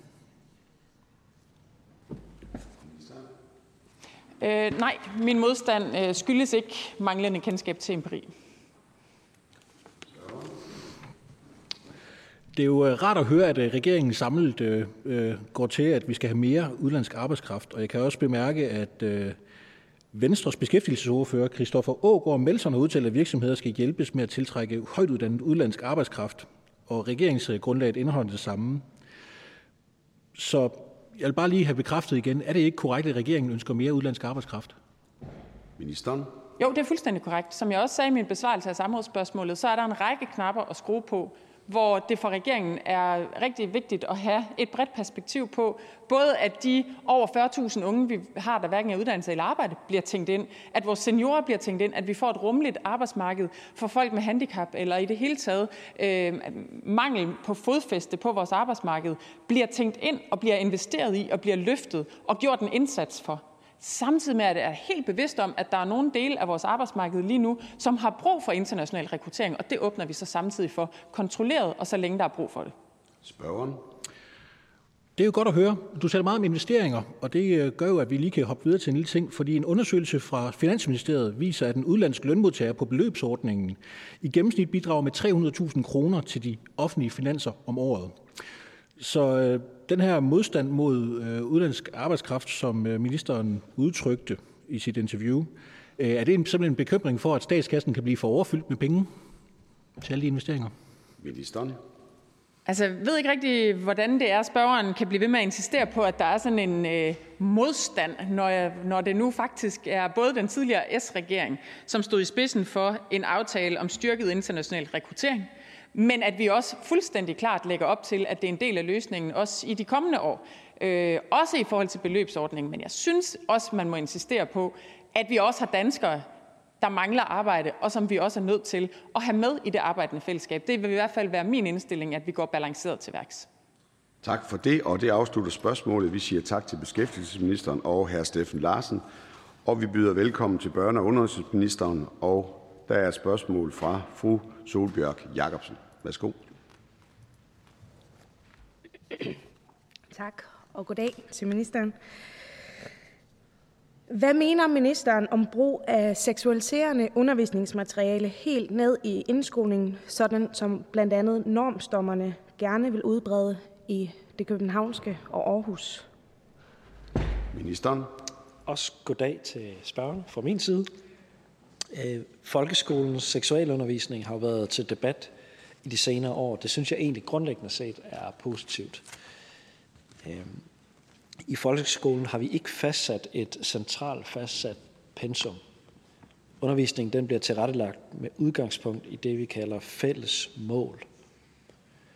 Det er et fagligt og et pædagogisk valg fra skolens side, hvilket materiale, der så bedst understøtter elevernes læring i et konkret undervisningsforløb. Og der er jo også heldigvis ret stor enighed herinde på Christiansborg om, at skolen skal sættes mere fri, end den er i dag. Og her mener jeg, at et afgørende element i den frisættelse er, at vi har tillid til, at skoleledelserne er i stand til at løfte deres opgave med at leve op til folkeskolens formål og mål for fagene. Og jeg synes ikke, at vi her fra Christiansborg skal detaljregulere klasselokalerne, og dermed heller ikke, at vi skal blande os i udvidelsen af undervisningsmateriale. Her i ligger også friheden til at trække på eksterne ressourcer. Altså det kan være folk, man hiver ind ude fra skolen, hvis det altså vurderes at være gavnligt. Men når det så er sagt, så følger der selvfølgelig også et ansvar med den her frihed til at have hånd i hanke med, hvad eleverne lærer, og at eleverne selvfølgelig præsenteres for de nødvendige nuancer i deres undervisningsforløb. Så jeg har ikke noget ønske om at skulle detaljregulere. Jeg synes egentlig, når man kigger ind i Øh, fagets formål for sundhed og seksualundervisning og familiekundskab, så synes jeg, at det ser fornuftigt ud.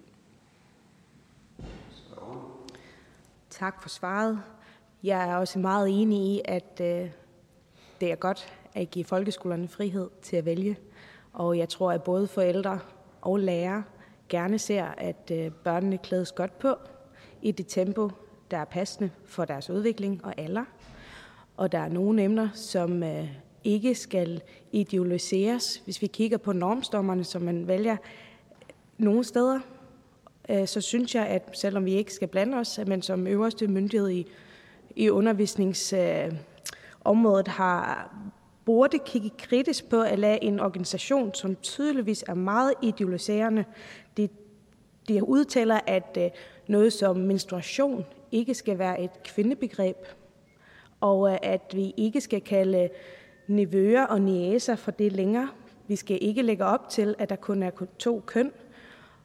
Er det ikke ministerens mening, eller er det ikke generelt logisk fornuft, at børn ned i 6-årsalderen selvfølgelig skal have en grundlæggende forståelse for biologi, og øh, at det kan gå ud over øh, fagligheden, hvis vi risikerer at øh, forvirre dem i sådan en ung alder med sådan et ideologisk grundlag. Det er dybt bekymrende, når jeg læser det som forælder i hvert fald. Ministeren.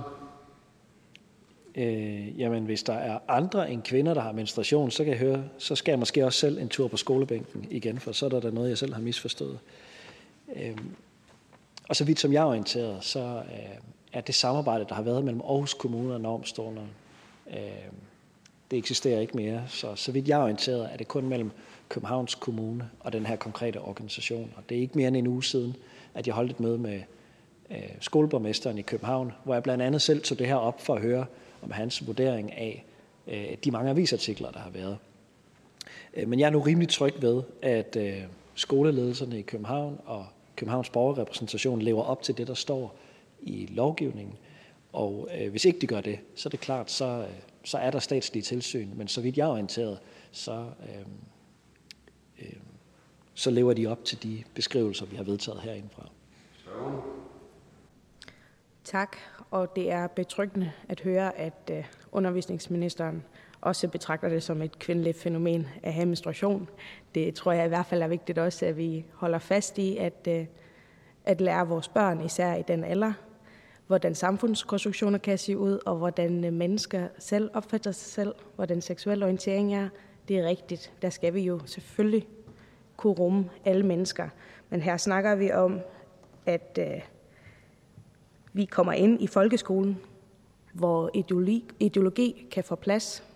Og øh, jeg håber og er glad for, indtil videre i hvert fald, at øh, undervisningsministeren fortæller, at øh, du er opmærksom, ministeren er opmærksom øh, på det her, fordi at øh, det er meget, meget bekymrende, at man øh, lader folk komme ind, som skubber læreren i baggrunden og overtager ud fra et ideologisk standpunkt, som jeg ikke synes, at vi skal respektere. Ministeren. Jeg vil godt starte med at sige, at læreren har jo ansvaret. Man kan ikke bare øh, lukke en organisation ind i klasselokalet og så gå ind på lærerværelset og tage en kop kaffe.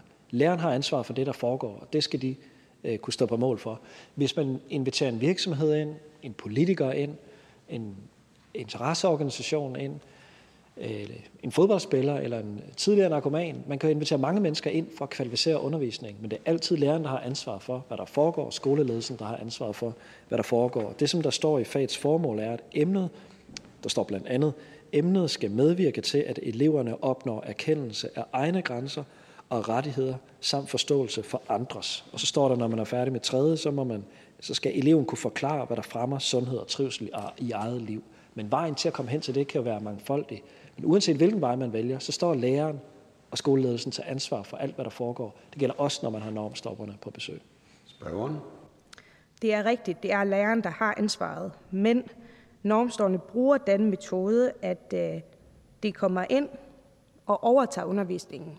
Så selvom læreren har ansvaret og måske ikke sidder og drikker en kop kaffe, så træder de i baggrunden.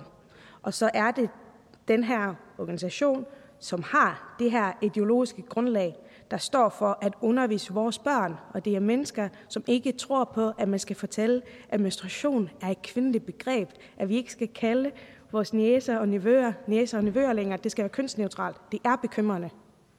Ministeren får en afsluttende bemærkning. Jeg har meget stærke holdninger til mange ting i skolen. Øh, skærme i skolen, øh, hvordan man tilrettelægger seksualundervisning og masser af andre ting. Men jeg vil også prøve som minister at træde et skridt væk og have tillid til, at skoleledelserne selv er i stand til at leve op til det ansvar, de jo har i lovgivningen, som den er skruet sammen i dag. Øh, og en del af det ansvar er, at når man lukker andre ressourcer ind i skolen, så står man til ansvar for den undervisning, der foregår. Det må godt være folk, der udfordrer vores vante forestillinger om, hvad der er op og ned, men det skal være tilrettelagt til de børn og den aldersgruppe, der er, og der skal være nogle lærere, der sørger for, at, øh, at børnene kommer klogere ud af lokalet, og ikke mere forvirret ud af lokalet. Og det afslutter spørgsmålet. Vi siger tak til fru Solbjørg Jacobsen. Vi går videre til spørgsmål 12. Det er også til børne- og undervisningsministeren, og jeg giver nu ordet til fru Helene Liljendal Brydensholt.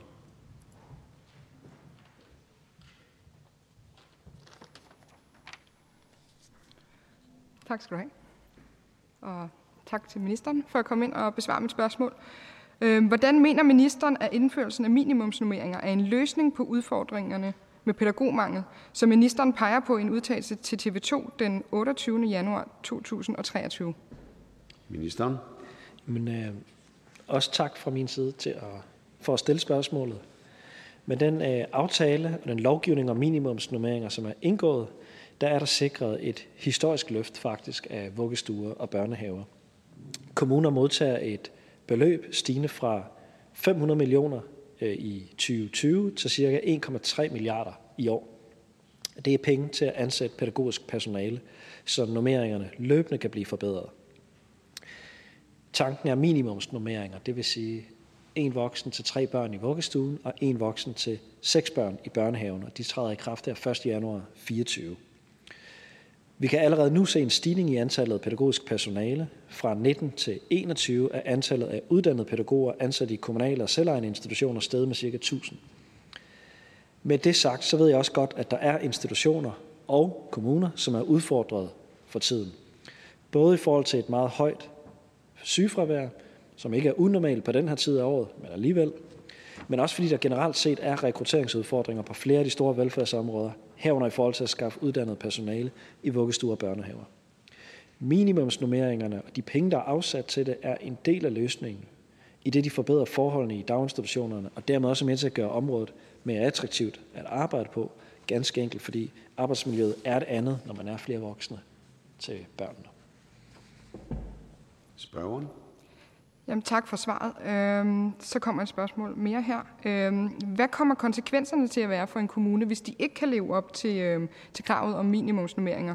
Og hvis der kommer nogle konsekvenser, hvordan vil ministeren så sikre, at, øhm, at det så ikke vil bevirke, at kommunerne går ud og rekrutterer en masse øhm, ufaglært personale, som så vil få pædagogandelen til at falde endnu mere, end den allerede er? Ministeren. Øhm, jeg skal måske starte med at sige, at minimumsnummeringerne gælder egentlig både pædagoger, pædagogiske assistenter og pædagogmedhjælpere. Så kommunerne kan godt leve op til minimumsnummeringerne ved at ansætte ufaglærte, øh, for eksempel pædagogmedhjælpere. Øh, og det er også lidt det, man kan se faktisk, der sker for tiden. Nu har jeg bare lige nogle tal her. Øh, fra 2019 til 2021, der steg antallet af ansatte fra 48.000 til 53.000. Altså en ret markant vækst på 5.000 men øh, størstedelen af væksten skete på pædagogmedhjælperne. Det er ikke på de det er ikke på pædagogerne, det er faktisk heller ikke på de pædagogiske assistenter. Det, det er sket ved, at man har ansat folk uden en pædagogisk uddannelse. Ja, og det er jo lige præcis det, som øh, er problematikken, jeg prøver at tage op her, at, øh, at, at vi ligesom ser det her fald af, øh, af andelen af, af pædagoger. Øhm, og derfor er jeg også nysgerrig til at, at spørge ind til, øhm, til den øhm, resterende del af aftalen om minimumsnummeringer, hvor øh, der, skulle ans, øh, der skulle afsættes penge til opkvalificering af, øhm, øh, af pædagogmedhjælpere og pædagogiske assistenter. Det ser ud til, at den, øh, den falder fra nu, i hvert fald hvad man kan tolke af, af udtalelser i medierne. Øhm, så hvad er øh, så ministerens plan i forhold til at opkvalificere medhjælpere og pædagogiske assistenter til meritpædagoger? Ministeren. Vi er meget store tilhængere af meritpædagoguddannelsen. Vi kan jo se dem, der har været pædagogmedhjælper først og kommer på seminaret, de har lavere øh, fravær, de har lavere frafald, de kan godt lide dem på studiet, fordi det er folk, der har praksiserfaring og som ved, hvad det vil sige at være i en daginstitution, og de får arbejde bagefter. Kommunerne, øh, de er meget vældigt personale af kommunerne. Så man kan på ingen måde tolke ud af det, der er blevet sagt for mig eller andre, at øh, der ikke fortsat skal være merituddannelse af pædagoger, eller at der skal afsættes penge til det. Spørgeren? Okay, øhm, interessant. Øhm, så har jeg et sidste spørgsmål til, til ministeren. Øhm, I sidste uge der udgav Børne- og Undervisningsministeriet den nye beregningsmodel til at opgøre praksisnummeringer i daginstitutioner. Øhm, hvordan vil ministeren sikre, at den bliver brugt i kommunerne, øhm, så der opgøres øh, nummeringer på institutionsniveau, øhm, så forældre og pædagoger får et gennemsigtighed og et ærligt billede af, hvor mange voksne der er øh, ude i dagtilbudene, og ligeledes så vi politikere selvfølgelig får et ordentligt grundlag at øh, træffe beslutninger ud for, som er så tæt på børnenes hverdag som overhovedet muligt. Ministeren for en afsluttende bemærkning. Det er rigtigt, det blev offentliggjort øh, tidligere på ugen, eller i sidste uge, det har jeg lige glemt. Øh, men jeg vil godt lige rejse bare en enkelt bekymring i forhold til det her med minimumsnormeringer på institutionsniveau. Fordi jeg synes, det er vigtigt, at man kan sidde nede på rådhuset og for eksempel beslutte sig for, at man gerne vil have ekstra personale til dagtilbud i udsatte boligområder. Hvis man vil det, øh, så kan det være, at det har konsekvenser et andet sted, i en mere ressourcestærk del af byen. Og hvis vi insisterer på, at alt skal være reguleret ned på enkelt institutionsniveau, så risikerer vi, at det bliver de børn, der bor i det udsatte boligområde, der betaler den største pris. Så jeg vil være som udgangspunkt en lille smule skeptisk ved at skulle have normeringer brudt helt ned på institutionsniveau. Og det afslutter spørgsmålet. Vi siger tak til børne- og undervisningsministeren og til fru Helene Liliendal Brydensholz. Vi går videre til spørgsmål 13, og det er til udlændinge- og integrationsministeren. Jeg giver nu ordet til fru Pia Kjærsgaard. Ja, altså jeg synes, at øh, man er nødt til at rejse det her spørgsmål i Folketingssalen, fordi man undres, for at sige det mildt, hvad er begrundelsen for, at regeringen nu, altså efter fem år, fem år, ikke længere synes, at Danmark alene skal etablere det øh, asylcenter, øh, men at det nu skal være med andre lande. Er det ikke vigtigt, at man finder en løsning på problemet, og hvad, øh, og i hvert fald Socialdemokraterne fortsat siger, hvad de sagde før og under valget? Ministeren. Tak for det, og tak for spørgsmålet i dag. Jeg var blevet helt bekymret, fordi øh, jeg er vant til at være den minister, der har flest samråd og flest spørgsmål hernede, men det er som om, at oppositionspartierne er faldet af på den og ikke længere stiller. Jeg har slet ikke nogen samråd på vej, så jeg er glad for, at der stadig er opmærksomhed her på det spørgsmål. Jeg kan sige til spørgeren, at vi selvfølgelig står fast på og fortsat vil arbejde for at lave et modtagscenter Øh, enten som en model sammen med andre europæiske lande, eller øh, som en øh, model, hvor vi laver et konkret samarbejde. Nu er det jo Rwanda, som vi har haft et samarbejde med, og laver det mellem Danmark og Rwanda. Og de to planer arbejder vi videre med parallelt, og der er sådan set ikke noget, der er forandret i forhold til det. Altså, und, undskyld minister, men jeg synes, det lyder som fup direkte fup, og man bliver ved med at holde befolkningen hen med et eller andet. Der er gået fem år, og man bliver ved med at sige, at vi arbejder med sagen. Man har rejst ud, man har haft møder, og man har lavet en eller anden form på papir, som man ikke kan bruge til noget som helst. Vi har været til masser af møder, også før valget i ministeriet, for at få at vide, hvor man stod nu. Vi havde en forventning om, at det ville ske, og nu siger ministeren bare, at vi arbejder videre med det. Skal vi vente fem nye år, eller hvad? Det må også have nogle omkostninger, det her efterhånden, sådan rent økonomiske op omkostninger for alt det møderi og rejse frem og tilbage osv. Er der slet ingen tanker om at gøre et eller andet konkret. Og jeg vil godt høre, har ministeren forladt, at Danmark skal gøre det alene, eller skal det nu være på EU-plan, sådan som jeg kan forstå, at øh, i hvert fald mindst et andet parti i regeringen ønsker? Ministeren. Ja, jeg skal beklage, hvis det føles som om Socialdemokratiet har siddet i regering i fem år, men vi har altså ikke siddet i regering i fem år, som spørgeren siger. Vi har siddet i regering i tre et halvt år cirka. Øh, men det kan godt være, at det for nogen føles øh, så lang tid. Øh, der er ingen tvivl om at starte sådan et projekt og få det til at fungere. Det er noget, der tager lang tid, og det er noget, som vi mener er afgørende for, at den asylmodtagelse, som man har i Europa, fungerer på en måde, hvor man ikke understøtter menneskesmugler, men hvor man sikrer, at dem, der har størst behov, kommer først. Det er en plan, man arbejder med i Storbritannien, i øh, USA, øh, og det er selvfølgelig også noget, der kommer til at være i Europa på et tidspunkt. Vi håber selvfølgelig, det bliver så hurtigt som muligt. Spørgeren. Altså, ministeren øh, kommer med nogle bemærkninger, som bare tager tid, som jeg synes er overflødige, både i første og anden besvarelse. Men jeg vil godt høre, stadigvæk som jeg spurgte om, har man fortsat planer om, at Danmark skal gøre det alene, eller skal det være på EU-plan? Og i modsat fald, hvad gør man så, hvis det heller ikke bliver til noget? Fordi man kan jo have sine store betænkeligheder desværre. Vil man så fastholde Kærshovedgård? Vil man gøre det andre steder i Danmark? Hvad er det egentlig, man ønsker med det her? Fordi det er jo et kæmpe, kæmpe problem, at øh, vi har så mange, som faktisk burde være vendt hjem, aldrig nogensinde komme til Danmark, og vi skal altså ikke have flere. Så derfor er et øh, udrejsecenter i et andet land helt nødvendigt. Ministeren. Jamen, jeg kan sige så meget til spørgeren, at vi lykkedes med rent faktisk at få færre mennesker til at være på Kærshovedgård i hele udrejsesystemet langt bedre, end det lykkedes dengang spørgeren selv havde en ret stor indflydelse på regeringsledelsen i Danmark. Vi er vi har halveret antallet af folk, der er i udrejsesystemet på de sidste tre år, fordi vi er gået til opgaven med systematik og hårdt arbejde for at sikre, at folk, der ikke har opholdstilladelse i Danmark, selvfølgelig ikke skal opholde sig her. Og når jeg tænker tilbage på det, så kunne jeg egentlig have ønsket, at man har haft den samme systematik og det samme hårde arbejde i alle de år, hvor spørgeren selv havde indflydelse på dansk udenrigspolitik eller udlændingepolitik. Nu er det mig, der spørger ministeren, og ministeren, der skal svare. Og jeg synes bare, at øh, det er utilfredsstillende, at man ikke kan få et mere konkret svar fra ministeren, i stedet for at tale udenom igen, igen, igen. Nu på nummer tre svar. Jeg vil godt vide, agter man fortsat at arbejde på, at Danmark gør det alene, eller vil man forholde sig til, at det skal være på EU-plan? Ministeren for en afsluttende bemærkning. Jamen det agter vi stadig at gøre. Øh, det svarede det første svar, det svarer jeg gerne igen. Og man kan jo sige, at når man ser tilbage på udlændingepolitisk historie sådan i nyere tid, jamen det, som vi sidder og bakser med, det er jo nogle af de problemer, der netop var på det tidspunkt, hvor Dansk Folkeparti støttede en regering, blandt andet i 2015, hvor der kom et umådeligt stort antal øh, udlændinge til Danmark, som vi stadig har udfordringer med at integrere. Så vi prøver at rydde op efter spørgeren og spørgerens partis øh, ageren tidligere. Og det afslutter spørgsmålet. Vi siger tak til fru Pia Kjærsgaard. Vi går videre til spørgsmål 14. Det er også til udlænding- og integrationsministeren, og jeg giver nu ordet til hr. Peter Skaarup.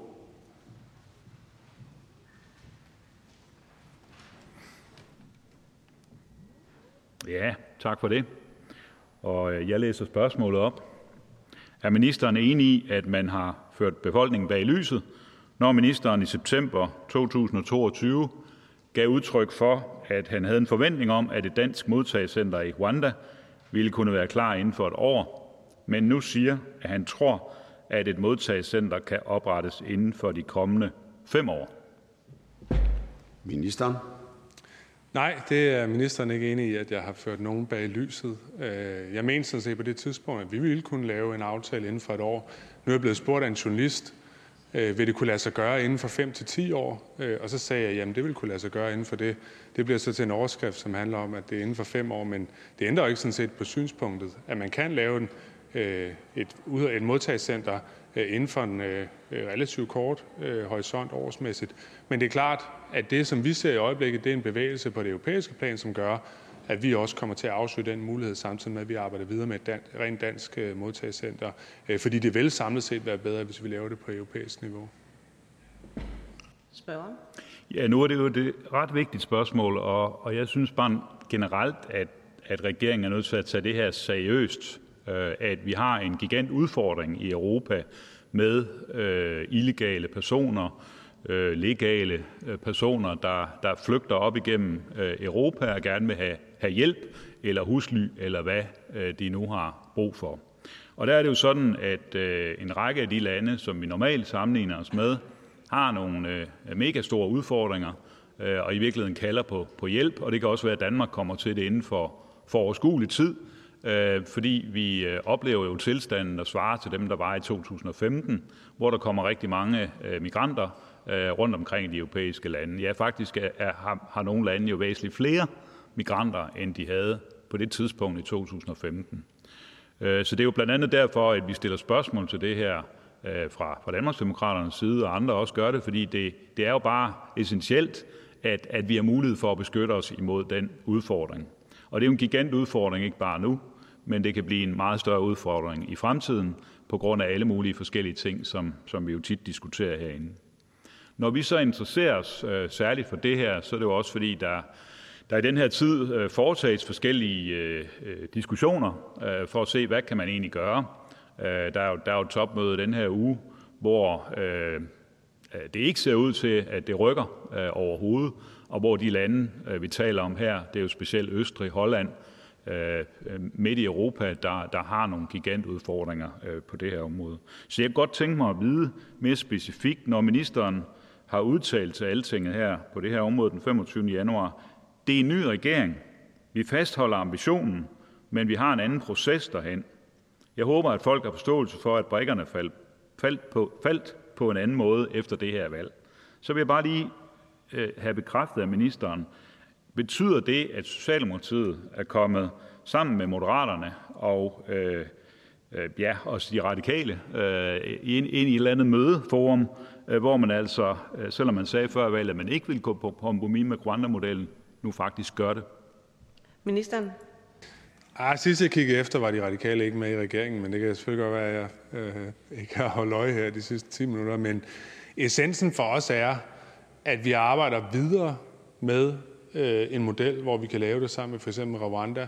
Men det vi ser er en stor bevægelse. Jeg er sikker på, at spørgeren også har lagt mærke til op til det her møde, som der er nede i EU, øh, Øh, at der er kommet et brev fra otte øh, samlede europæiske lande, som efterspørger det, man kalder third safe, eller safe third country arrangement, altså at man har en model, hvor man har et modtagscenter uden for Europa. Og det øh, er jo et langt større antal, end det var for bare et halvt år siden. Og derfor så tror jeg, at der er bevægelser, som gør, at vi kan arbejde europæisk også.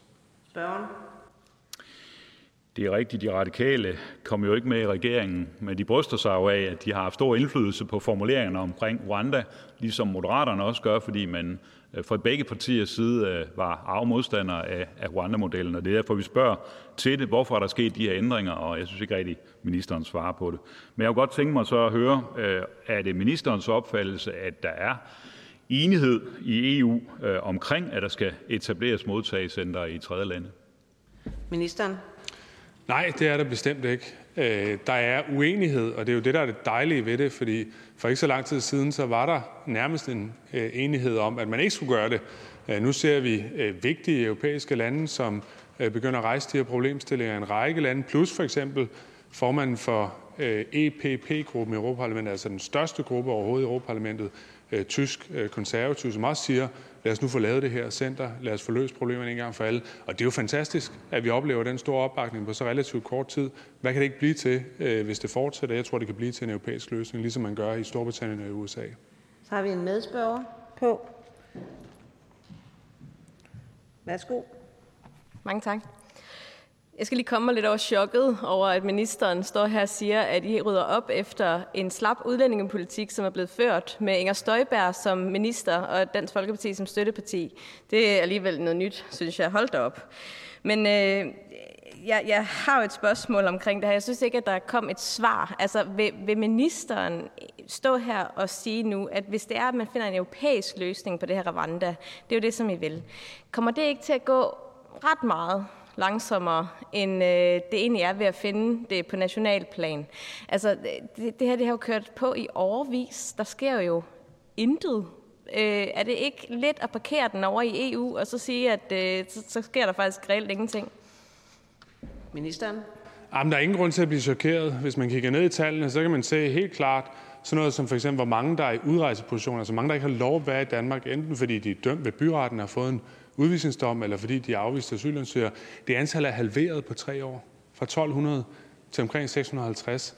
Det er da imponerende. Det er en oprydning efter et system, som der ikke fungerede, og hvor man kun havde symbolpolitiske markeringer, men hvor man ikke havde en systematisk tilgang til, at folk, der ikke har lov at være i Danmark, de kan ikke blive her. Altså, der er ikke noget at blive chokeret over. Man skal bare kigge ned i tallene, så kan man se, at det er rigtigt. Øh, og det er jeg glad for, hvis man nu er kommet til den erkendelse. Det vil man også gøre, men det var ikke det, man gjorde, dengang man havde flertallet. Der lod man det øh, vokse og vokse og vokse. Øh, så jeg synes egentlig, man burde i stedet for at stå og spille chokeret, at man så burde sige, øh, det er godt gået af Socialdemokratiet, godt gået af regeringen, at man har fået styr på de ting. Og så i forhold til det, jo selvfølgelig tager det længere tid på det europæiske plan, end det gør i en ren dansk løsning. Medspørger? Ja, min mand siger, at jeg ikke skal stå og rulle øjne. Det er træls. Det skal jeg nok prøve at lade være med. Men hold op, altså jeg kan godt huske, hvordan det var under Helle thorning Schmidt. Og jeg kan godt huske, hvordan, hvor højt det lå, og hvordan vi fik det rullet ekstremt langt ned dengang. Det var på grund af stramninger i udlændingepolitikken, og det synes jeg også vil klæde ministeren at acceptere det. Det er rigtigt, Socialdemokratiet, de, øh, de tog jo så andre partiers udlændingepolitik og øh, gjorde den til deres egen. Men altså, nu kan vi så se, at nu begynder det at gå rigtig galt igen, for I har jo ikke lavet andet end lempelser, siden I kom til. Det er Rwanda, det er hjemsendelser, det er IS-krigere. Altså, det må, det må ministeren da vedkende sig. Ministeren? Jeg har ikke lempet for nogen is Jeg ved ikke, hvor spørgeren har det fra. Men jeg vil sige så meget, at hvis spørgeren er i tvivl, så skal spørgeren gå hjem og kigge på, hvem var ansvarlig minister, da det hele åbnede op, da vi havde flygtninge, der gik på motorvejene, da vi fik 21.000 asylansøgere på et enkelt år. Hvem var ansvarlig minister? Var det en socialdemokrat, eller var det en nuværende Danmarksdemokrat, der var det? Jeg kan godt svare. Jeg tror også godt, spørgeren selv kan svare. Og så er det tilbage til hr. Peter Skorp som spørger. Jo, tak. Jeg tror ikke, det, det nytter noget at gå ind i den her diskussion, øh, og jeg vil slet ikke nævne gode gamle statsminister Poul Nyrup Rasmussen og den slappe udlændingepolitik, han førte som socialdemokrat. Det, det tror jeg slet ikke, vi skal tage i dag. Det tager vi en anden gang. Men jeg kunne godt tænke mig at høre, når øh, ministeren nu siger til Altinget følgende. Når den bredere tilgang også giver mening for os, skyldes det netop, at der er bevægelse i mange europæiske lande. Øh, på den baggrund så kunne jeg godt tænke mig her afslutningsvis at høre ministeren. Er det ministerens holdning, at EU har et meget stærkt og, og vellykket samarbejde, når det kommer til at løse asyl- og migrationsudfordringerne i Europa? Ministeren. Det er et rigtig godt spørgsmål. Jeg vil ønske, at jeg havde længere tid til det, men grundlæggende vil jeg sige, at EU er lykkedes med nogle ting på den front her. For eksempel det, der hedder EU-Tyrkiet-aftalen, mener jeg er en meget vellykket aftale, som sørger for, at EU undgår en lang række, jeg tror det er, nu kan jeg ikke huske antal, det er, det er millioner, tror jeg, af flygtninge, som i stedet er øh, i Tyrkiet. Det synes jeg er et eksempel på, at EU kan lave vellykkede ting. Øh, så er der masser af ting, det er jeg enig med spørgeren i, der ikke fungerer. Det indledende, som blev sagt omkring, øh, at der er masser af lande, som oplever ekstremt store antal nu, som er helt umulige øh, at håndtere inden for det gældende system. Fuldstændig enig, og der skal vi være bedre, også selvfølgelig i EU. Så er spørgsmål afsluttet, og vi går videre til det næste spørgsmål, nummer 15 af Susie Jessen, Danmarksdemokraterne, til oplæsning af spørgsmål. Værsgo. Tak. Vil ministeren svare på, hvorfor man har ændret holdning til, at syriske kvinder skal sendes tilbage til Syrien, når ministeren under valgkampen netop sagde, at kernen i dansk udlændingepolitik er, at flygtninge i Danmark er her midlertidigt, og at det gælder uanset om man er ledig, i arbejde, under uddannelse eller pensioneret? Ministeren. Det, som jeg sagde i det interview, der blev henvist til, det var, fordi de spurgte, om man skal kunne tage folk ud, eller sige, hvis en har en flot studentereksamen, skal hun så have lov at blive? Skal man efter et tv-indslag have lov til at sige, at hun skal blive, øh, nogle andre skal ikke blive? Øh, og det mener jeg grundlæggende er en forkert måde at gøre det på. Selvfølgelig skal der være ens og objektive vilkår for alle folk, der søger opholdstilladelse i Danmark, uanset hvad for en ordning de søger det på. Der er ikke noget, der bliver forandret i det, der er paragraf 7.3 i øh, udlændingeloven, som handler om, at man er her midlertidigt, når man er flygtning. Det er udgangspunktet for alt, hvad der foregår. Det, der sker, når vi ændrer Øh, i de lovgivninger nu, det er, at den opholdsordning, der er, som handler om, hvis man eksempelvis har en uddannelse, som der er brug for på arbejdsmarkedet, den forlænger vi ind, sådan så hvis man er i gang med en uddannelse inden for det, jamen så vil man også kunne blive der, mens man tager den uddannelse. Hvis man eksempelvis går på sygeplejeskolen eller er ved at tage en uddannelse til, til noget andet, som man, øh, som, øh, som man kan få ophold på, når man er færdig. Øh, det ændrer ikke ved, at grundprincippet, paragraf 7.3, den står fuldstændig øh, solidt, ligesom den har gjort hele vejen igennem øh, den her og den tidligere regeringstid. Spørgeren. Mm, mm, det gør det jo så alligevel ikke helt. Øh, jeg kunne se, at statsministeren i spørgetimen til min formand, fru Inger Støjberg, sagde, at hun kendte ikke overvejelserne bag forslaget, men udlændinge- og integrationsministeren finder en ordning. Så den ligger på ministerens skuldre. Og så kunne jeg egentlig godt tænke mig at høre, altså ja, eksempelvis sygeplejerske, sosu, hvad med buschauffør, hvad med taxachauffør? Er det mænd? Er det kvinder? Øh, pizzabude? Altså, hvad, hvad, hvad er det? Hvor er vi henne her? Øh, hvad er det for nogle kriterier, der gør, at man, at man gerne må blive her? Skal man have lov til at blive her, hvis det er, at man har fået afvist sit ophold, men så dagen efter lige søger ind på en sosuuddannelse, hov, så kan man godt få lov til at blive her. Altså, hvad er det for nogle, for nogle ordninger, som ministeren vil, vil finde? Fordi at der mangler jo arbejdskraft over hele linjen. Det tror jeg godt, vi kan være enige om. Så spørgsmålet er bare, hvad, hvad er det for en ordning, og hvornår finder vi ud? Altså, får vi mere at vide om det? Ministeren. Jamen, jeg, jeg øh, regner sig selv med at indkalde en bred vifte af partier den dag, vi skal blive konkrete omkring det. Ja, så må vi se, hvem der har lyst til at være med, og hvem der ikke har lyst til at være med. Jeg håber, det bliver så bredt som muligt. Men det er klart, at mængden af uddannelser skal være snæver, øh, og den skal selvfølgelig forholde sig til de uddannelser, som hvis man har dem, har man mulighed for at få opholdstilladelse. Altså eksempelvis det, der hedder positivlisten for faglærte, hvor du siger, at nogle typer uddannelser mangler vi. Det kunne også være sygeplejerske, det kunne være nogle andre ting. Men øh, for mig at se, er det en relativt snæver ordning, øh, som handler om, at der er nogle jobkategorier, som vi har en meget stor efterspørgsel på, men det er ikke eksempelvis ufaglært arbejde. Det kan jeg slet ikke forestille mig. Men, men så kan jeg ikke se, hvordan det her det ikke er noget andet end det, ministeren sagde i valgkampen. Det her med, at det skal være midlertidigt, og det gælder uanset om man er ledig, i arbejde, under uddannelse eller pensioneret. Det er det modsatte, det ministeren står og siger nu. Ministeren står jo og siger nu, at hvis man tager en uddannelse, der bare lige er lidt mangel på her der, jeg ved godt, der er et stort problem med mangel på arbejdskraft. Det er slet ikke det, jeg siger. Men, men det går imod det, ministeren faktisk sagde i valgkampen. Altså, at, at en uddannelse netop er en grund til at blive her. Kan, kan ministeren ikke bare vedkende sig det? Det vil være dejligt med lidt ærlighed. Ministeren. Ja, men det tror jeg går begge veje, øh, det med, at det vil være dejligt med ærlighed. Og spørgen ved udmærket godt, i hvilken sammenhæng det blev sagt. Øh, nu bliver man ved med at spørge om det. Jeg synes også, at jeg må komplementere Danmarksdemokraterne. I har været gode til at sælge jeres historie ind til Danmarks Radio, som har kunne bringe de her fortællinger, men det er ikke rigtigt.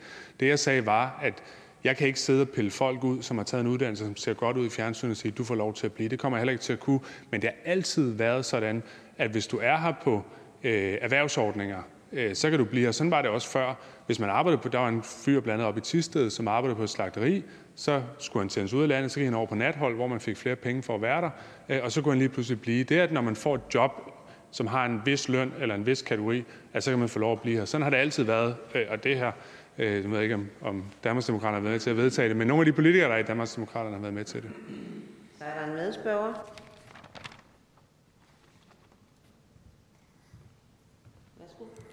Ja, nu har jeg prøvet at, at lytte til, hvad ministeren har sagt her I, igen. Vi har jo sådan set haft den op og vende før.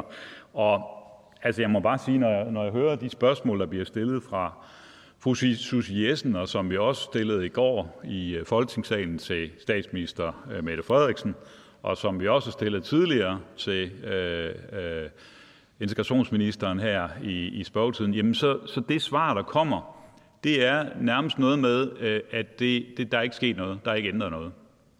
Der er ikke ændret noget. Øh, det er stadigvæk den samme øh, stramme udlændingepolitik, og alt er, som det hele tiden har været. Men nu, så vil jeg så bare lige høre ministeren give en chance mere. Altså når man skriver i regeringsgrundlaget, at man vil håndtere det problem, vi har set i den seneste tid med unge kvinder fra Syrien, der har mistet deres opholdstilladelse, trods for, at de har, vi, at de har øh, Øh, vist, at de vil Danmark. Derfor vil regeringen give ret til fortsat ophold for visse udlændinge, som uddanner sig inden for områder, hvor der er mangel på arbejdskraft. Altså, det, det er vel, fordi man vil ændre noget, ikke? Er, er det et skuespil, ministeren er ude i her, eller vil man ændre noget? Ministeren. Jeg tror, det er spørgeren, der spiller skuespil. Nu tror jeg, der er blevet sagt her øh, i de sidste øh, 20 minutters tid en 7-8 gange, at jeg ikke svarer på det, så er det vist mere skuespil, end det er reelt. Men man kan jo altid diskutere det. Hvis jeg tager min plæne derhjemme, og så går hen i et hjørne af den plæne og planter nogle øh, påskeliljer, øh, så kan man godt påstå, at jeg totalt har ændret min græsplan. Øh, man kan også sige, at det er en lille øh, tilretning i et hjørne. Øh, sådan vil det jo altid kunne diskuteres. Jeg tror grundlæggende ikke, at det her kommer til at ændre Øh, særlig meget i antallet af folk, der får lov at blive her, og jeg ved, at det ikke kommer til at ændre ved, at 7-3 og det at, det at være flygtning i midlertid, det kommer der ikke til at blive ændret på øh, i hovedreglen. Det er præcis, som det har været, og det har altid været sådan. Nu kan jeg ikke huske, om Dansk Folkeparti var med til at vedtage, dengang spørgeren var med i det, men, men det har altid været sådan, at man øh, har kunne være her på erhvervsordninger, øh, hvis man tjente over et vist beløb, øh, eller hvis man havde nogle bestemte jobkategorier. Det udvider vi en lille smule nu øh, til også at gælde øh, de uddannelser, man tager på vej hen imod øh, de, øh, de arbejdsfunktioner. Spørgeren. Jamen, det var da trods alt en, en måske en lille erkendelse, fordi ministeren anerkender åbenbart, at nu er man i gang med at plante nogle, øh, nogle øh, påskeliljer øh, et sted i haven. Altså man er, man er i gang med at ændre nogle ting. Så, så er vi i hvert fald nået så langt, at, at man er i gang med at ændre ved, ved øh, tingene. Øh, nu, når vi er nået så langt, vil ministeren så bare ikke godt svare her i Folketinget på det, den her gigantudfordring, som jeg faktisk var inde på lidt tidligere. Vi har en situation nu, hvor der kommer rigtig mange asylansøgere og migranter til Europa. Landene kæmper som besatte for at undgå, at vi kommer i samme problemer som i 15, men nogle lande er allerede langt over de problemer. Hvad er så logikken i, at regeringen begynder at lempe, øh, begynder at tage folk ind, som egentlig skulle vende tilbage til de lande, de oprindeligt kom fra? Jamen, jeg er fuldstændig enig i, at der er et uoverstigeligt antal i rigtig mange lande øh, i øjeblikket i Europa. Vi er heldige i Danmark, at vi igennem en del år efterhånden har ført så stram en politik og haft så stort fokus på at sende folk hjem, der ikke har lov til at være her, at der er relativt færre, øh, som ønsker at komme til Danmark. Øh, det kan man jo sige er en fælles øh, øh, bedrift hen over øh, mange år. Det ændrer ikke ved, at det her er en tilretning, som lægger sig op af noget, som har været bredt anerkendt i Danmark i mange år, at man kan blive her, hvis man har bestemte arbejdsfunktioner. Nu siger vi, at man også kan blive her, hvis man har en uddannelse på vej hen imod det. Ja, så er det spørgeren. Tak. Det er første gang, jeg har hørt, at øh, man sammenligner en lempelse af udlændingepolitikken med at plante påskeliljer i sin have. Det synes jeg var meget, øh, meget farverigt billede, ministeren lige gav, gav der. Øh, tak for det billede. Altså, men, men jeg er også glad for, at det så også viser, som hr. Peter Skorp sagde, at det her det faktisk betyder, at der kommer til at ske ændringer. Når man planter de såkaldte påskeliljer i sin have, øh, så betyder det rent faktisk ændringer af, af udlændingepolitikken. Og det er jeg glad for, fordi indtil nu har det jo været sådan, Rwanda, der sker ikke rigtig noget. Det er ikke noget nyt. Hjemsendelse, ej, det er heller ikke noget nyt.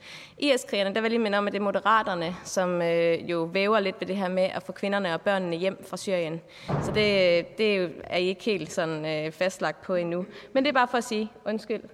at jeg er glad for, at ministeren nu accepterer, at der sker lempelser af udlændingepolitikken. Ministeren? Der er vist tale om spørgerens egen øh, konklusion og ikke ministerens udsagn, men øh, jeg ved nu heller ikke, om de børn, der er i Syrien, sådan endnu er IS-krigere. Det er måske sådan lige skrab nok øh, at sige det, hvis man, hvis man sådan er på børnehavealderen. Men øh, helt grundlæggende er det sådan, at der er en meget kontant grænse for, hvor mange Danmark kan tage imod. Og det skal som udgangspunkt være Folketinget, der beslutter, øh, hvor mange der kommer til landet. Det er vores politik i regeringen, det står vi fast på. Og dem, der ikke har lovlig ophold, de skal hjem igen. Øh, de linjer, de hovedsøjler i udlændingepolitikken, dem står vi fuldstændig på. Der er ikke ændret noget ved dem. Så er spørgsmålet afsluttet. Tak til minister og spørgerne. Så går vi videre til punkt 16 til udlænding og integrationsministeren. Jeg skal lige høre, øh, er der en medspørger?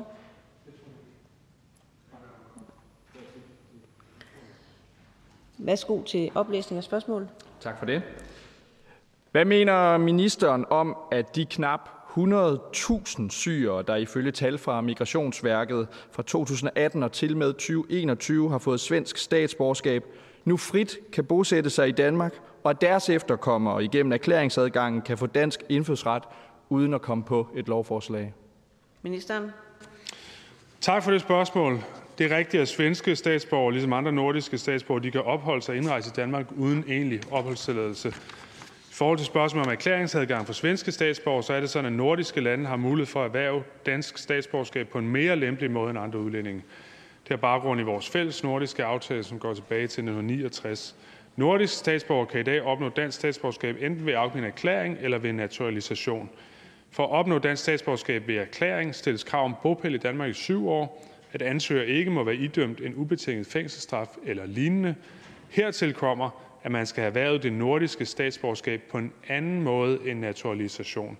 Det vil sige, hvis man er kommet til Sverige som flygtning, senere har været svensk statsborgerskab, så er der ingen mulighed for at erklære sig dansk, uanset hvordan man vender og drejer det. Det skyldes, at vi i 2021 afskaffede en erklæringsadgang, hvor også naturaliserede nordiske statsborgere kunne blive danske statsborgere ved erklæring. Det handler altså under alle omstændigheder alene om erklæringsadgangene for børnene til de svenske statsborgere, der måtte have opnået statsborgerskab ved naturalisation, og hvor der stilles krav til f.eks. foregående ophold i Danmark. Det kan man selvfølgelig diskutere, om er problematisk. Jeg ser det ikke for nuværende som et stort problem. Der er heller ikke noget i tallene, der tyder på, at det er et stort problem for nuværende. Øh, men det er klart, øh, øh, det, det egentlige spørgsmål omkring, hvorvidt folk, der er kommet fra Syrien for eksempel til Sverige, kan få statsborgerskab, der mener jeg, at der er en, en misforståelse i den måde, det bliver stillet op på i spørgsmålet.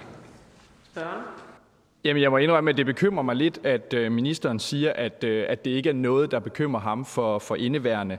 Vi så øh, bare sidste år øh, 16 betjente i Sverige kom til skade efter ildspåsættelse af ejendomme, politibiler, der blev stjålet. Øh, Sverige har ikke øh, for indeværende nogen som helst kontrol med deres udlændingepolitik. Og derfor så vil de børn, som vil kunne få adgang til dansk statsborgerskab, jo også på et tidspunkt komme til at udgøre et betydeligt problem for det danske samfund, fordi at vi dermed risikerer at give de mennesker dansk statsborgerskab. Derfor så er jeg igen interesseret i at høre øh, ministeren, jamen, hvad, han, hvad har han tænkt sig, hvis han har tænkt sig at gøre noget, og gøre ved, at vi risikerer at, at give statsborgerskab til mennesker, som udgør et substantielt problem for det svenske samfund, og kommer til at gøre det også på sigt. Ministeren? Jamen det mener jeg ikke, at vi gør i de tal, jeg kan læse. Hvis man slår op i Danmarks Statistiks opgørelse, så er der cirka 6.000 borgere, som er svenske statsborgere, som er kommet øh, til Danmark siden 2018. Af de 6.000 er der cirka 70 af dem, øh, som har syrisk øh, baggrund. Øh, det er 70 mennesker. De kan så ikke få statsborgerskab. Det er de 70 menneskers børn, der vil øh, kunne søge Øh, statsborgerskab, hvis de var blevet boende i Sverige og så kommet til Danmark på et senere tidspunkt. Det mener jeg for nuværende ikke er en stor trussel imod øh, den grundlæggende udlændingepolitik, vi har i Danmark. Men det kan det jo hurtigt blive. I øh, 2022 der gav Sverige 18.000 mennesker statsborgerskab. I 2021 27.000. I 2020 25.000.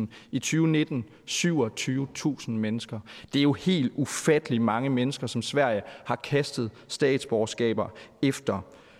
Sverige de, er, de var i 2019 ramt af over 100 bombeangreb. Og der er en svensk kriminolog, der er ude i den forbindelse og sige, at man er nødt til at krig, kigge mod krigszoner for at finde noget, der, der minder om lignende øh, tilstande. Og øh, derfor så er vi jo meget optaget af i Dansk Folkeparti, at Danmark aldrig nogensinde ender et sted, hvor vi bare tilnærmelsesvis i samme risiko øh, for at ende et øh, lignende sted. Og derfor så er jeg nødt til at spørge øh, ministeren igen, hvad har han tænkt sig at gøre for at sikre, at mennesker i Sverige, som har fået statsborgerskab, ikke øh, derigennem får privilegeret adgang til statsborgerskab i Danmark, eller at deres børn får det? Jamen, jeg synes, vi skal blive lidt ved det første del af det, fordi øh, spørgeren kan jo også spørge sig selv, hvordan kan det måtte være, at det var en socialdemokratisk regering, der skulle til, for at man kunne fjerne den mulighed? Hvorfor blev det ikke gjort af spørgerens eget parti? Jeg ved godt, at det er relativt nyt tilkommet til det, men dog alligevel mm, holdningsmæssigt har man ligget det samme sted nogenlunde. Øh, hvorfor er det ikke blevet gjort i alle de år, hvor man havde meget stor indflydelse? Hvorfor skulle der en socialdemokratisk regering til, før man tog den rigtige beslutning at sige, at hvis du kommer fra Syrien og har fået et hurtigt statsborgerskab, så skal du ikke automatisk få dansk statsborgerskab også. Øh, det synes jeg er det relevante spørgsmål. Jeg er helt klar til at kigge den dag, der er et problem med efterkommerne, se på, hvad kan vi gøre der. Øh, jeg, min dør er åben øh, for den diskussion, men indtil videre er det ikke et problem, og det ser det heller ikke ud til at blive inden for, inden for de næste par år i hvert fald. Ja, nu skal jeg ikke kunne tage ansvar for, hvad der er sket, før jeg har meldt mig ind i Dansk Folkeparti. Ja, min medlemskab er jo forholdsvis nyt, men, øh, men ikke desto mindre, så er det et spørgsmål, der optager mig meget, og det er et spørgsmål, der optager Dansk Folkeparti med Dansk Folkepartis nye ledelse meget øh, for indeværende.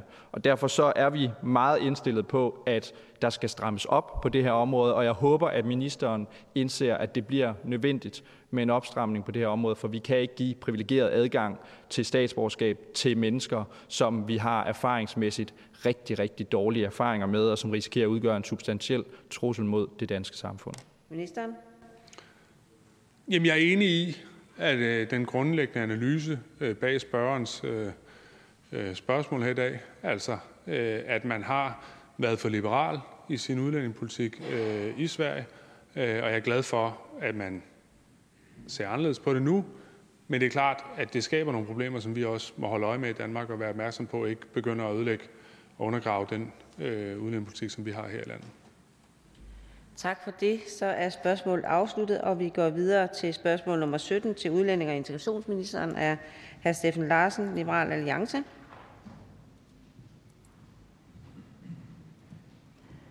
Værsgo til oplæsning af spørgsmålet. Penge til ministeren.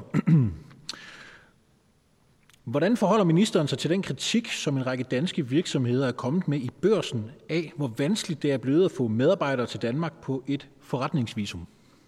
Ministeren. Ja, tak for spørgsmålet. Det er vigtigt for regeringen og for mig, at både små og store virksomheder klarer sig godt, både i Danmark og ude i verden. Øh, og derfor er det selvfølgelig en alvorlig øh, kritik, der er kommet. Det er også vigtigt for mig, at tredjelandsstatsborgere, som opholder sig i Danmark eller i Schengen, opfylder betingelserne for at være her, og at man ved, hvad formålet med, øh, at de er her, er. Tredjelandsstatsborgere skal som det altovervejende udgangspunkt have en arbejdstilladelse for at kunne arbejde i Danmark. Så kan vi sikre, at arbejdet sker på sædvanlige løn- og arbejdsvilkår, og en tredjelandsstatsborger kan dog udføre visse arbejdsrelaterede aktiviteter i et Schengen-visumophold, uden at der er krav om arbejdstilladelse.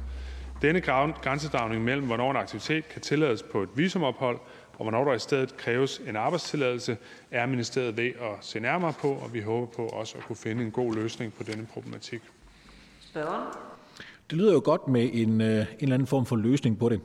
Men jeg ved også, at ministeren og ministerens parti ser en del anderledes på øh, spørgsmålet, end vi gør i Liberale Alliance. Og som jeg forstår Socialdemokraternes politik, ønsker man en restriktiv tilgang, fordi man har en bekymring for social dumping og løntrykkeri. Den bekymring synes jeg er stærkt overdreven, men jeg forstår godt hensynet.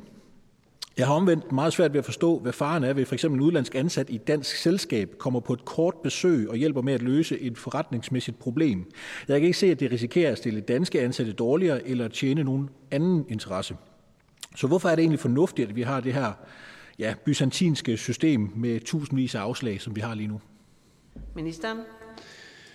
Ja, jeg vil sige, det synes nu, det er så meget at kalde det byzantinsk, men øh, altså hvis man ser på afslagsprocenten på de sager, vi får over i styrelsen, så er den stort set konstant siden 2018. Den ligger omkring 60 procent på dem, der kommer hen. Og det er jo de sager, som repræsentationen, de danske repræsentationer rundt om i verden, piller ud og siger, at den her er vi i tvivl om, kan vide, om det er en egentlig arbejde, der skal laves, eller om det er øh, øh, hvad hedder det, noget, der kan klares med et visum. Øh, altså, der er ikke ændret noget i afslagsprocenten. Så kan man selvfølgelig diskutere, som spørgeren også åbner for, Øh, skal det være nemmere at komme og arbejde? Skal det kunne gøres på en mere øh, lempelig måde? Der, der tror jeg, at vi står på, på det nuværende system, som det er. Ministeriet har selv givet det eksempel, at en indisk medarbejder i et øh, datterselskab vil til Danmark på et kort besøg for at implementere et IT-program, vedkommende har lavet. Han kan få, så få visum, hvis han alene observerer og indsamler viden. Men hvis der er mistanke om, at han retter en fejl i sit program under besøget, så skal der gives afslag. Det er virkelig svært at forstå logikken i det eksempel. Altså, det virker som om, at politikken føres for at sikre, at danske virksomheder fortsat skal have IT-problemer.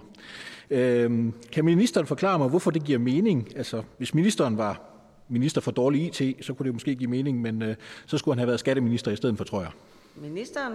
Jeg tror, der er en serie af ministerier, man kunne være minister for, hvis man skulle have den til, men lad os nu lade være med at gå ned i det. Øh, jeg synes, der er en logik, og logikken hedder, er man der for at holde et møde, eller er man der for at lave noget arbejde, der har et output? Øh, og det er den adskillelse, vi laver, hvor vi siger, at det sidste arbejdstilladelse, nu kan jeg ikke huske de præcise tal, jeg mener, det er 30 dage, der er øh, ansøgnings, øh, altså behandlingstid på i Siri, øh, men, men det må jeg lige vende tilbage med. Jeg synes, det er rimeligt, at der er den adskillelse. Altså, at det er de to forskellige ting. Jeg forstår også godt LA's synspunkt, at man, at man burde kunne komme og også lave et output, når man er på, på et visum. Øh, men, men jeg synes, det er rimeligt, at hvis man skal lave det egentlige arbejde, så søger man arbejdstilladelse. Børn? Øhm, altså, den her praksis her, den skader også nogle danske virksomheder, og øh, nu kan jeg jo lige komme med et par citater her. Den måde, man praktiserer det her på, skader vores og andre danske firmaers forretning. Det er direktøren for Rambøl Danmark, der siger det. Og det er frustrerende og besværliggør vores evne til at drive forretning. Det er altså HR-chefen i Christian Hansen, som siger det. Gør det indtryk på ministeren, at den førte politik på den måde svækker danske hederkronede virksomheders mulighed for at have ansatte på besøg? Ministeren for den afsluttende besvarelse.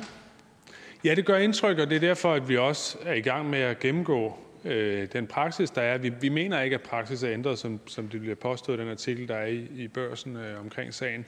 Men det er klart, det gør da indtryk, og vi ønsker os da, at man skal kunne have en glidningsfri overgang med danske virksomheder, der har brug for specialistkompetencer. Vi holder bare fast i, og jeg ved, at det synspunkt, som LA har, også det synspunkt, som arbejdsgiverne har, mange andre, som siger, kan vi ikke bare få lov til øh, at få folk på visum, og så øh, lade dem arbejde så meget, som de nu kan? Og der, der tror jeg, det er i hvert fald mit synspunkt, øh, at, at, hvad hedder det, at det skal vi passe på, men vi skal sørge for at have den adskillelse. Men vi er ved at se på det, og vi skal nok også orientere selvfølgelig folketingspartier, når vi, når vi har noget mere konkret. Så er spørgsmålet afsluttet. Tak til ministeren og spørgeren. Vi går videre til den næste. Det er hr. Peter Veldlund fra Enhedslisten. Tak for det, formand. Ja, tak.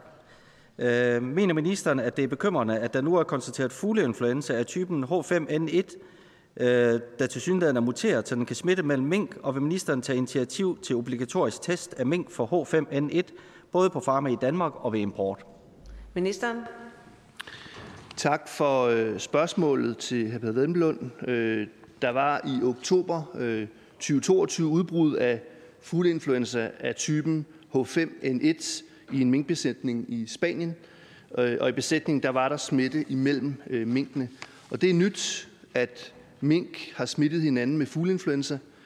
Øh, Fødevarestyrelsen har allerede bedt Dansk Veterinærkonsortium om at udarbejde en risikovurdering. Og på baggrund af risikovurderingen, så skal myndighederne vurdere, hvordan fugleinfluenza skal håndteres i forhold til minkproduktion fremadrettet. Og i den sammenhæng der vil øh, myndighederne også se på, øh, om minkene skal testes øh, for fugleinfluenza, selvom de ikke måtte udvise symptomer. Det gælder også i forhold til import. Og samtidig så vil jeg også gerne understrege, at vi i Danmark har indført strenge smittebeskyttelseskrav i minkbesætningerne. Det har vi jo gjort for at undgå, at der kommer covid-19 ind til mink, og for at undgå, at der opstår en smittespredning. Og de smittebeskyttelseskrav de virker også i forhold til at undgå andre sygdomme spreder sig til mink. Og desuden har vi i Danmark øh, anmeldepligt ved fund af øh, H5N1 fugleinfluenza. Det vil sige, at hvis ejeren eller dyrlægen får mistanke om sygdommen, så skal det anmeldes til Fødevarestyrelsen. Og vi skal også være opmærksomme, øh, og derfor er jeg også glad for, at Fødevarestyrelsen har øjnene på bolden og har som sagt bestilt en risikovurdering hos Dansk Veterinær Konsortium. Spørgeren? Altså, der er jo ikke nogen tvivl om, at det her det er en temmelig øh, alvorlig sag. Altså, når vi taler om H5N1, altså fugleinfluenza, så har det jo tidligere været almindeligt kendt, at det har kunne smitte mellem fugle øh, og til en enkelt mink eller til et enkelt menneske. Altså, der har været øh, udbrud af, af fugleinfluenza, også, blandt, øh, altså også i, i human øh, regi. Øh, men det er jo ukendt, at smitten kan springe mellem pattedyr, altså mellem mink.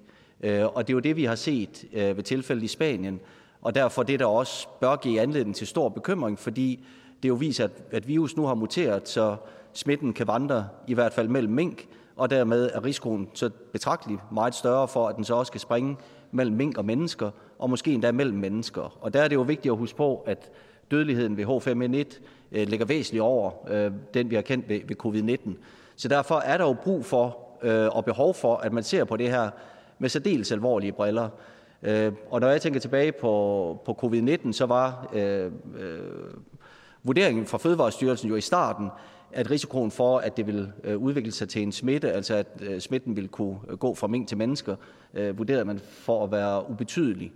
Og derfor skulle vi jo nødig gentage den samme fejltagelse denne her gang, fordi konsekvenserne også vil være så tilstrækkeligt meget større.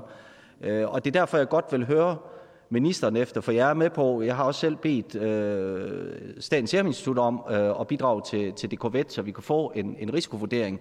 Men det forhindrer os jo ikke i at tage øh, nogle indledende skridt allerede nu, som for eksempel det at sikre, at vi får testet øh, de besætninger, der er i Danmark lige nu, som er få, øh, men jo også de mink, som vi må forvente, der bliver importeret fra, fra Spanien øh, til, til Thyholm, øh, så vi netop sikrer, at der ikke er fugleinfluenza i de besætninger. Øh, det vil jo være forholdsvis ukompliceret, og det vil i hvert fald give en, en vis sikkerhed, øh, så vi så også øh, efterfølgende kan, kan følge med i, om, øh, om smitten så kommer ind i de besætninger. Men vil ministeren være villig til at sikre, at vi allerede nu øh, får testet besætninger og også øh, sikre øh, test ved, ved import af mink? Ministeren? Altså, jeg er helt enig med hr. Velblom i, at det her det skal vi tage øh, dybt alvorligt. Øh, fordi det er jo rigtigt, det nye det er, at de til synligheden nu, altså fugleinfluenzaen, kan mutere mellem pattedyrene, altså mellem øh, minkene. Og det skal vi tage alvorligt. Øh, og derfor er det også, som jeg startede med at sige i min indledning, øh, øh, jeg er glad for, at, at Fødevarestyrelsen netop også har bedt øh, Dansk Veterinær Konsortium om at komme med den risikovurdering. Og det er en risikovurdering, som øh, forventes at ligge klar allerede i løbet af indeværende måned, øh, sådan at vi på baggrund af den øh, risikovurdering øh, kan tage øh, stilling til, hvordan vi skal håndtere det her øh, fremadrettet. Spørgeren? Men nu, nu ved vi jo øh, fra tidligere håndtering også, at, at, øh, at det er fuldstændig afgørende med hastighed, og man kan sige, skulle det skrækkeligt opstå, at, øh, at der opstår H5N1, øh, som både kan smitte mellem mink øh, og, og så muligvis også muterer til at smitte øh, til mennesker, så vil det jo have dramatiske konsekvenser. Så ville det ikke være klogt øh, allerede nu at sikre, at vi får testet de besætninger, øh, fordi det vil der jo ikke være nogen øh, risiko ved. Det vil tværtimod bare give os en sikkerhed i forhold til, at øh, vi ved, at de besætninger, der er i Danmark, og de mink, der bliver importeret, i hvert fald ikke er bærer af en virus, som kan smitte mellem mink øh, og i værste fald mellem mink og mennesker. Ministeren? Altså, jeg synes, det er klogt at tage det her alvorligt, øh, og derfor synes jeg også, det er klogt, at vi får den risikovurdering, sådan at vi ved, hvad det er, vi så kan gå videre med, og hvordan det er, myndighederne de kan håndtere det her fremadrettet. Jeg er enig i, at der er et tidsperspektiv i det her, og derfor er jeg også tilfreds med, at det her det kommer til ikke at vare måneder, men det er øh, om relativt kort tid, altså indeværende måned, at forventningen er, at man har en risikovurdering. Og det er på baggrund af det, at vi så kan kigge på, hvad er det så, hvad er det for en, en myndighedstilgang, der skal være for at sikre, at det her det ikke måtte sprede sig, hvis det er det, der er risikovurderingen. Det kan også være, at risikovurderingen siger noget andet, øh, men, men det ser jeg selvfølgelig frem til, at den kommer, så vi har et grundlag at gå videre med. Spørger? Nu forstår jeg ikke helt, hvorfor man ikke bare allerede nu kan sige, at øh, vi selvfølgelig tester. Men, men så lad mig spørge ministeren efter noget andet, fordi det er også velkendt, at øh, øh risikoen for, at, øh, at H5N1 også vil kunne sprede sig til, til for eksempel svinebesætninger, øh, også vil være til stede. Øh, og der kan man sige, der vil konsekvenserne så være endnu mere dramatiske, altså både øh, samfundsøkonomisk, men jo også øh, i forhold til, til risiko for, for muterede varianter. Øh, har ministeren overvejet, om man også skulle lave øh, test af svinebesætninger i forhold til H5N1? Ministeren? Altså, det handler om for mig at se, at vi får håndteret den her øh, risiko, som der jo er, når vi har set det kunne ske i Spanien. Øh, og derfor er det for mig vigtigt, at vi får den her vurdering, risikovurderingen, hurtigt. Øh, og derfor er jeg tilfreds med, at den kommer, som jeg har fået det oplyst, i indeværende måned. Øh, og lige så snart den ligger, så må vi jo så vurdere, hvad er det så, der skal ske, om vi skal brede det længere ud, eller hvad vi skal gøre. Fordi det er klart, det er en bekymring. Det er en bekymring, jeg tager alvorligt. Det gælder både i forhold til, kan man sige, at det kunne mutere videre. Det er jo det, vi ser, at den er gjort. Øh, også i forhold til mellem pattedyr. Det er nyt. Så derfor er det noget, vi skal tage alvorligt, og det er jeg sikker på, at den risikovurdering, vi får om relativt få uger, at den kan give os svar på, hvad det er, vi så fremadrettet kan gøre for at håndtere det her på en øh, fornuftig og sikker måde. Tak. Så er spørgsmålet afsluttet. Tak til ministeren for fødevare, landbrug og fiskeri og til spørgeren. Vi går videre til den næste i rækken. Det er til transportministeren af hr. Kenneth Fredslund Petersen. Værsgo til oplæsningen. Ministeren udtalte i artiklen Vognmand med opråb til minister forud for ekstra øh, afgift af 23. januar 2023 fra TV MidtVest følgende. Vi vil gerne have flere grønne lastbiler, og vi vil gerne have, at man betaler for det, man forurener. Vi skal lige have oplæsning af spørgsmålet. Derfor er der el-lastbiler, som hurtigt vil bryde frem, fordi de kan en hel masse, men der er nogle udfordringer med den tunge transport. Af spørgsmålet først. Undskyld, finder ministeren det rimeligt, at regeringen pålægger transportbranchen en kilometerbaseret afgift, når ministeren selv har udtalt, at el-lastbilerne simpelthen ikke er klar? Ministeren. Tak for det.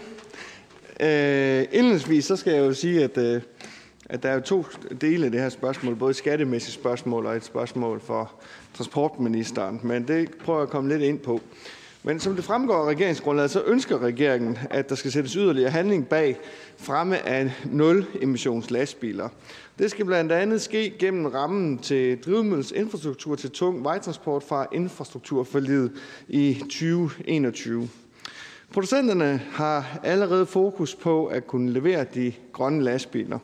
Industrien kan dog endnu ikke levere lastbiler, der kan stå for den, de tunge opgaver over lange distancer. Men det forventes, at der om nogle år kommer et udbud af lastbiler, som kan stå for de tunge opgaver over lange distancer. Regeringens ønske om at fremme efterspørgselen på nulemissionslastbiler kræver både et udbud af køretøjer og en udrulning af drivmiddelsinfrastrukturen. Og den manglende offentligt tilgængelige drivmiddelsinfrastruktur er en barriere for omstilling af nulemissionslastbiler. Transportministeriet udgiver i løbet af foråret en strategi for udrullingen af drivmiddelsinfrastruktur til den tunge trafik. Den vil give en forudsigelighed for branchen og understøtte, at virksomheder kan tage skridt mod at investere i grønne lastbiler. Jeg ser frem til at drøfte, de strategi, øh, drøfte strategien med hr. Kent Fredslund. Skatte- og afgiftspolitikken det er som sagt øh, noget, der hører under øh, skatteministeren, hvorfor at, at jeg må henvise til det. Men det kan oplyses, at skatteministeren endnu ikke har fremlagt sit lovforslag om vejafgiften. Og når det kommer, bliver der rimelig anledning til at tage en grundig drøftelse af afgifterne i forhold til lastbiltrafikken. Jeg kan allerede nu derfor invitere ordføreren til drøftelser herom. Spørgeren. Tak skal du have. Skal ministeren have. Det lyder jo rigtig godt, at i forhold til udrulningen af infrastrukturen, lageinfrastrukturen, som jo er et kæmpe problem, jeg kunne godt få lyst til at spørge ministeren af, at for de vognmænd skal der ikke blot investeres i de nye lastbiler, som er voldsomme dyre i forhold til det, de køber i dag. Der skal jo investeres i en ladeinfrastruktur ude hos den enkelte vognmand. Jeg vil høre ministeren, om ministeren er bekendt med, hvilke omkostninger vognmændene ser ind i, i forhold til om at påregne at have ved etablering af ladeinfrastruktur på egen lokation. Ministeren? Altså, ja, det er jeg jo bekendt med i hvert fald visse eksempler. Og grunden til, at øh, Kenneth Fredslund overhovedet løfter den her sag, det er jo forlængelse af, at jeg var ude og besøge nogle af de vognmænd, som har været allermest presset af den nye teknologi, som vi forsøger at implementere og udrulle til glæde og gavn for både miljø og klima. Og det er netop derfor, at jeg også er så optaget af at komme ud og tale med dem, som, som, hvor det ikke bare er en walkover, men hvor det er aller, aller sværest, og hvor man måske allerede nu har foretaget nogle store investeringer. Fordi at det er meget optaget af, netop at lytte til, hvordan kan vi så prøve at implementere politikken, sådan at den tager så meget hensyn som muligt til de, der har det vanskeligt. Men ja, jeg har set flere regneeksempler, når jeg har været på de ture. Spørgen? Ja, det er ganske korrekt, og de regneeksempler, vi hver især er blevet præsenteret for, er jo ikke helt ubetydelige i størrelsen af investeringer, der foreligger, øh, når de ser ind i fremtiden. Øhm, afslutningsvis så vil jeg gerne spørge, er det ministerens opfattelse, at den kilometerbaserede afgift, som jo ligger på, øh, i, i regeringsgrundlaget, vil gå hårdest ud over de vognmænd, der lever og bor i landdistrikterne? Ministeren? Jamen altså, på nuværende tidspunkt, så, øh, så øh, ved vi faktisk ikke, hvad en eventuel kilometerbaseret afgift, hvordan den skal strikke sammen.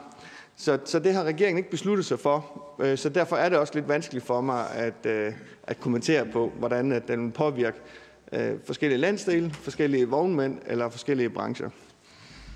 Spørgeren?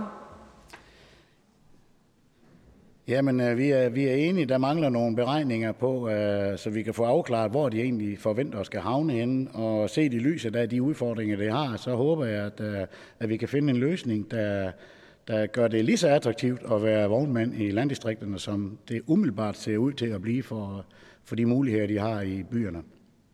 Ministeren for en afsluttende bemærkning. Ja, altså jeg kommer til at tage så mange hensyn som overhovedet muligt, hvor det kan lade sig gøre. Øhm, og, og man skal så også bare holde sig for øje, at det er jo ikke altid en landsdel er enige om, hvad for nogle hensyn, der er hensigtsmæssigt. Øh, der er nogen, der håber, det bliver meget dyrt at køre lastbil, og der er nogen, der håber, at det ikke bliver øh, alt for dyrt at køre lastbil. Øh, og sådan kan man jo i samme landsdel se forskelligt på de samme ting. Men tak for ordførens interesse for at bringe den her vigtige debat op. Ja, og vi siger tak til transportministeren og spørgeren, og vi går videre til den næste. Det er også et spørgsmål til transportministeren af Sofie Libert fra Socialistisk Folkeparti. Og værsgo til oplæsning af spørgsmålet. Tak skal du have. Hvad mener ministeren, at der bør gøres for at vende den negative spiral med færre passagerer og stadig stigende billettakster i den kollektive transport? Ministeren. Ja, det er jo et øh, godt spørgsmål og et meget bredt spørgsmål. Hvordan løser vi øh, generelt udfordringerne i hele den kollektive transport med alle de aspekter, der er der i? Der er takster, der er tilskud, der er køreplaner, der er ejerskaber, der er kommuner, der er regionsgrænser. Der er en ambition om, uanset hvor i landet man bor, så skal man kunne pendle til sit arbejde, til sin uddannelse eller anden skole på fornuftig vis. Og hvordan binder vi så Danmark bedre sammen på tværs af landet? Og skal jeg være helt ærlig, øh, så er svaret jo, det ved jeg ikke. Er det så et problem, når man er transportminister? Øh, ja, det er det måske umiddelbart. Men det er bare for at være ærlig, og derfor er det også, at vi har en ambition om, at vi vil lave en ekspertgruppe, som skal med krøllede hjerner altså sætte sig sammen og komme med anbefalinger. For det var, hvis det var så nemt og logisk, så var der nok nogen transportminister før mig, der havde løst problemet. Men det er ikke så logisk øh, og, og, og simpelt. Øh, og derfor bliver vi nødt til at få nedsat en ekspertgruppe, som kan se på alle de udfordringer, som både ordføreren og ordførens parti øh, og regeringen øh, deler en fælles ambition om. Spørgen? Tak. En typisk god ven af ministerens parti, nemlig Dansk Industri, øh, kom jo i sidste uge med et meget konkret udspil til i hvert fald, hvordan vi kan gøre noget ved de stigende billettakster, og måske også nogle af de faldende øh, passagerantal. Øh, de ønsker at vende den her negative øh, spiral. De foreslår, at de, det offentlige tilskud til den kollektive transport den, det øges med mindst 300 millioner kroner, at billetpriserne sænkes med et sted mellem 12 og 20 procent rundt omkring i landet, og til gengæld ensartes lidt mere. Det vil ifølge Dansk Industri selv resultere i en stigning på ca. 10 procent af brugere af den kollektive transport, og dermed være med til at sikre mange busruters overlevelse, især uden for de større byer. Det er et forslag, som vi i SF hilser meget velkommen, og jeg vil høre, om ministeren vil være med til at forfølge Dansk Industris forslag. Ministeren. Altså, jeg synes i hvert fald, det er virkelig interessant øh, indspark og udspil, øh, Dansk Industri er kommet med. Jeg synes også, den kom på et godt tidspunkt, netop inden, at vi vil have lavet den her ekspertgruppe, hvor det her skal være en del af det. Men, men, men jeg tror ikke, det er, er bredt nok i forhold til regeringens ambition. Men det er meget øh, relevant indspark, også nogle interessante beregninger, de kommer med, hvor de laver en deres vurdering af, hvis man øh, sænker øh, taksterne med så meget, så vil øh, øh antallet af passagerer stige med, med øh, øh, tilsvarende med så og så meget. Så jeg synes, det er interessant, øh, og det kommer jo i forlængelse af, at vi har en høj inflation, dermed høje brændstofomkostninger osv. osv. Og derfor så er der jo ikke så mange håndtag at regulere på, hvis man skal øh, øh, se på den kollektive transport. Øh, så, så ja, jeg ser det som et positivt indspark i debatten frem mod ekspertgruppens arbejde. Spørgen.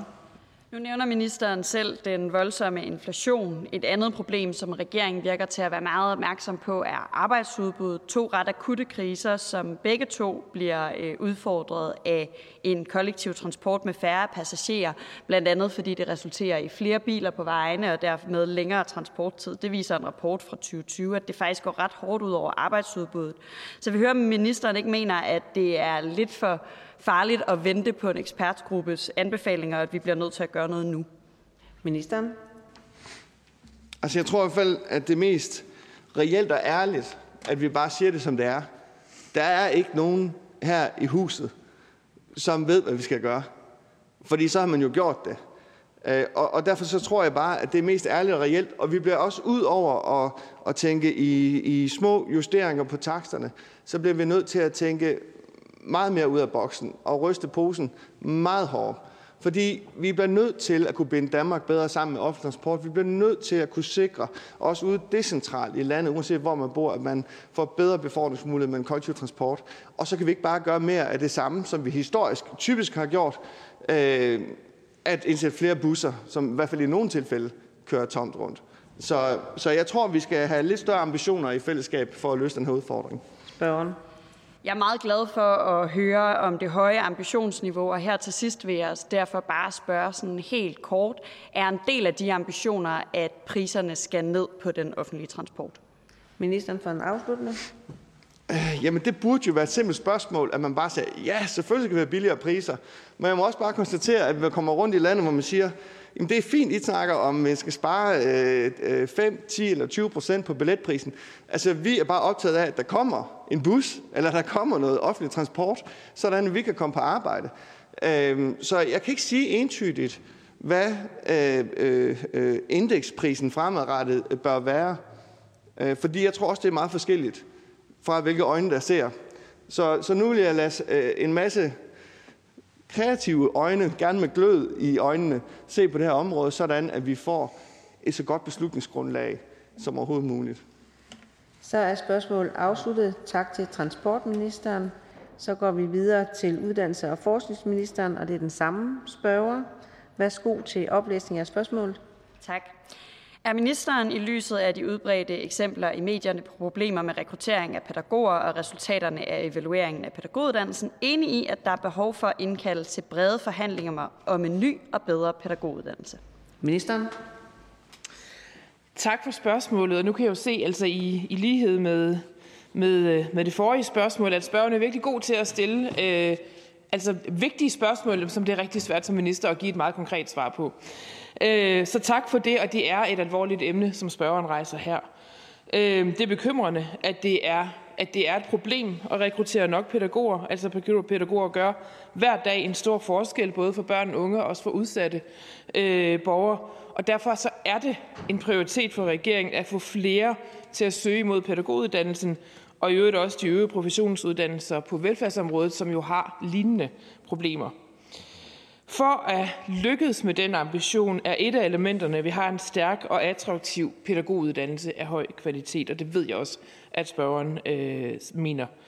Der er gennemført en grundig evaluering af pædagoguddannelsen, der giver os viden om, hvordan uddannelsen kan styrkes fagligt, og hvordan den kan blive mere attraktiv.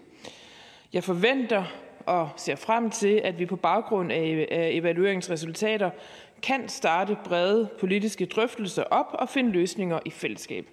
Opgaven er både at få dygtige pædagoger og også at få flere pædagoger. Regeringen har, og det er jo for at være lige så ærlig som transportministeren, ikke lagt sig helt fast på nogen hverken konkret proces eller tidsplan for, for det her. Hvis vi skal løse nogle af de store udfordringer på uddannelsesområdet, er der behov for at se uddannelsessystemet i en bredere øh, sammenhæng. Og regeringen har derfor i første omgang sat sig for at kigge bredt på uddannelsesområdet og sammenhæng mellem de forskellige uddannelsesniveauer og det samlede uddannelseslandskab. Spørgen. Tak. Spørger man mig, så er det største problem, vi har lige nu på uddannelsesområdet, det er netop øh, rekruttering til nogle af de uddannelser, vi mangler allerflest folk til. På uddannelses- og forskningsministerens område er det jo især de her fire store øh, velfærdsområder. Øh, og sidste år valgte man derfor også inden valget øh, at indgå en aftale omkring en ny læreruddannelse, som er blevet hilst enormt velkommen i, i miljøet omkring uddannelsesverdenen. Øh, og i dag kunne man så læse i politikken et opråb fra danske professionshøjskoler om vigtigheden af, at øh, en lignende proces øh, sker for pædagoguddannelsen. Øh, og der kunne jeg jo læse, at ministeren ligesom her giver udtryk for, for en vilje til at se på det her, men også at ministeren blandt andet udtaler, at regeringen har sat sig for at lave nogle ret store reformer, hvor vi startede med universitetsuddannelserne. Og jeg må indrømme, at jeg synes, at de sidste mange års uddannelsesdebat har haft et alt for stort fokus på universitetsområdet. Og derfor ærger det mig, at det er her, den nye regering vælger at starte. Så jeg vil gerne spørge ministeren, om ikke netop vigtigheden af at få nok dygtige pædagoger er større end vigtigheden af at lave endnu en reform af de universiteter, der er blevet ramt af 28 reformer de sidste 20 år. Om ikke det er på tide, at vi kigger væk fra universiteterne og over på de velfærdsuddannelser, der så dramatisk har brug for vores fokus. Ministeren. Jeg mener ikke, at det er, at det er et enten eller. Altså, jeg tror, at øh, jeg mener jo selvfølgelig, at man skal lave en reform af universitetsuddannelserne, ellers havde vi ikke øh, annonceret det. Jeg tror så også, at det er vigtigt, altså, at man ser det i sammenhæng med hinanden, fordi det er klart, jo flere, der går på universitetet, jo færre er der til at søge ind på velfærdsuddannelserne. På den måde er det jo øh, et nulsumspil, og derfor er der også en sammenhæng. Kunne man så have startet omvendt, altså startet et andet sted? Ja, det kunne man godt, men nu har vi så valgt at starte her. Men det er jo ikke et udtryk for, at vi, at vi skal man sige, at, at når vi har åbnet øjnene for det med universiteterne, at vi så har lukket øjnene for det med velfærdsuddannelserne. Spørgeren. Det er jeg glad for at høre. Øh, en, en anden artikel fra netop Danske Professionshøjskoler, man kunne læse i Weekendavisen for nylig, byggede netop på frygten for, at det her store universitetsfokus det vil gå ud over velfærdsuddannelserne endnu en gang. Øh, Stefan Hermann øh, fra Københavns Professionshøjskole udtaler blandt andet, at han frygter, at 10 procents frafald på de her store velfærdsområder, hvis vi øh, laver universiteterne mere lignende dem. Øh, er det virkelig den rigtige prioritering? Ministeren. Jamen, jeg mener ikke, vi skal prioritere det, ene over det andet. Altså, dem, jeg mener, der skal reformeres øh, på, på begge øh, områder. Og så mener jeg jo øvrigt også, at problemet altså med optag, nu taler vi så om på, på pædagoguddannelsen, hvor der jo klart er bekymrende tal, det er jeg fuldstændig enig i, og det skal vi også øh, gøre noget ved. Jeg mener så heller ikke, at man kan reducere det kun til et spørgsmål om uddannelse. Jeg tror, at man skal kigge bredt på, altså, at det både skal være attraktivt at uddanne sig til pædagog. Det skal også være attraktivt at være pædagog, og jeg tror, der er en sammenhæng øh, mellem de ting. Og derfor er det heller ikke noget, man, man bare lige knipser med fingrene øh, og, og løser. Spørgeren. Jeg deler øh, fuldt ud ministerens opfattelse af, at det handler meget mere om uddannelse og få nok mennesker til at uddanne sig til pædagog og til resten af vores velfærdssamfund. Øh, men en sidste ting, jeg godt kunne tænke mig at høre, man lavede jo den her ud, øh, evaluering af pædagoguddannelsen for, øh, i den forrige periode, eller i den tidligere regeringsperiode, og jeg vil bare høre, om det er ministerens ambition, at vi når at handle på den evaluering, eller om vi skal vente så længe, at der måske bliver brug for en ny evaluering af pædagoguddannelsen. Ministeren for den afsluttende. Altså, det er absolut min ambition, at vi gør noget ved de bekymrende lave optag, der er på alle velfærdsuddannelserne og også på pædagoguddannelsen. Spørgeren har jo ret i, at der var nogen, øh, før spørgeren blev ordfører på området, og før jeg blev minister på området, som havde altså, lavet en rigtig god indsats i forhold til at gøre læreruddannelsen mere øh, attraktiv. Og det ligger jo lige for at lave den samme øvelse i forhold til, til pædagoguddannelsen. Det er jeg helt enig i. Når jeg er en lille smule vævende i mine svar, så er det, så er det simpelthen fordi, Øh, at tingene skal tilrettelægges ordentligt, og vi har ikke lagt os fast på, på sådan hverken tidsplan eller proces øh, for det endnu, men det er ikke et udtryk for, øh, altså for manglende vilje eller manglende forståelse for problemets øh, karakter. Så siger vi tak til uddannelses- og forskningsministeren og spørgeren. Spørgsmålet er hermed afsluttet, og hermed er spørgetimen også afsluttet. Onsdag den 8. februar 2023. Ministeren for nordisk samarbejde har meddelt mig, at hun ønsker i henhold til forretningsorden paragraf 19 stykke 4 at give Folketinget en skriftlig redegørelse om det nordiske samarbejde. En videre har forsvarsministeren meddelt mig, at han ønsker i henhold til forretningsorden paragraf 19 stykke 4 at afgive Folketinget en skriftlig redegørelse om det nordiske forsvars- og beredskabsarbejde. Redegørelsen vil fremgå af folketidene.dk. Redegørelsen vil komme til forhandling til i et senere møde. Der er ikke mere at foretage i dette møde. Folketingets næste møde afholdes i morgen, torsdag den 9. februar 2023 kl. 10. Jeg henviser til den dagsorden, der vil fremgå af Folketingets hjemmeside. Mødet er hævet.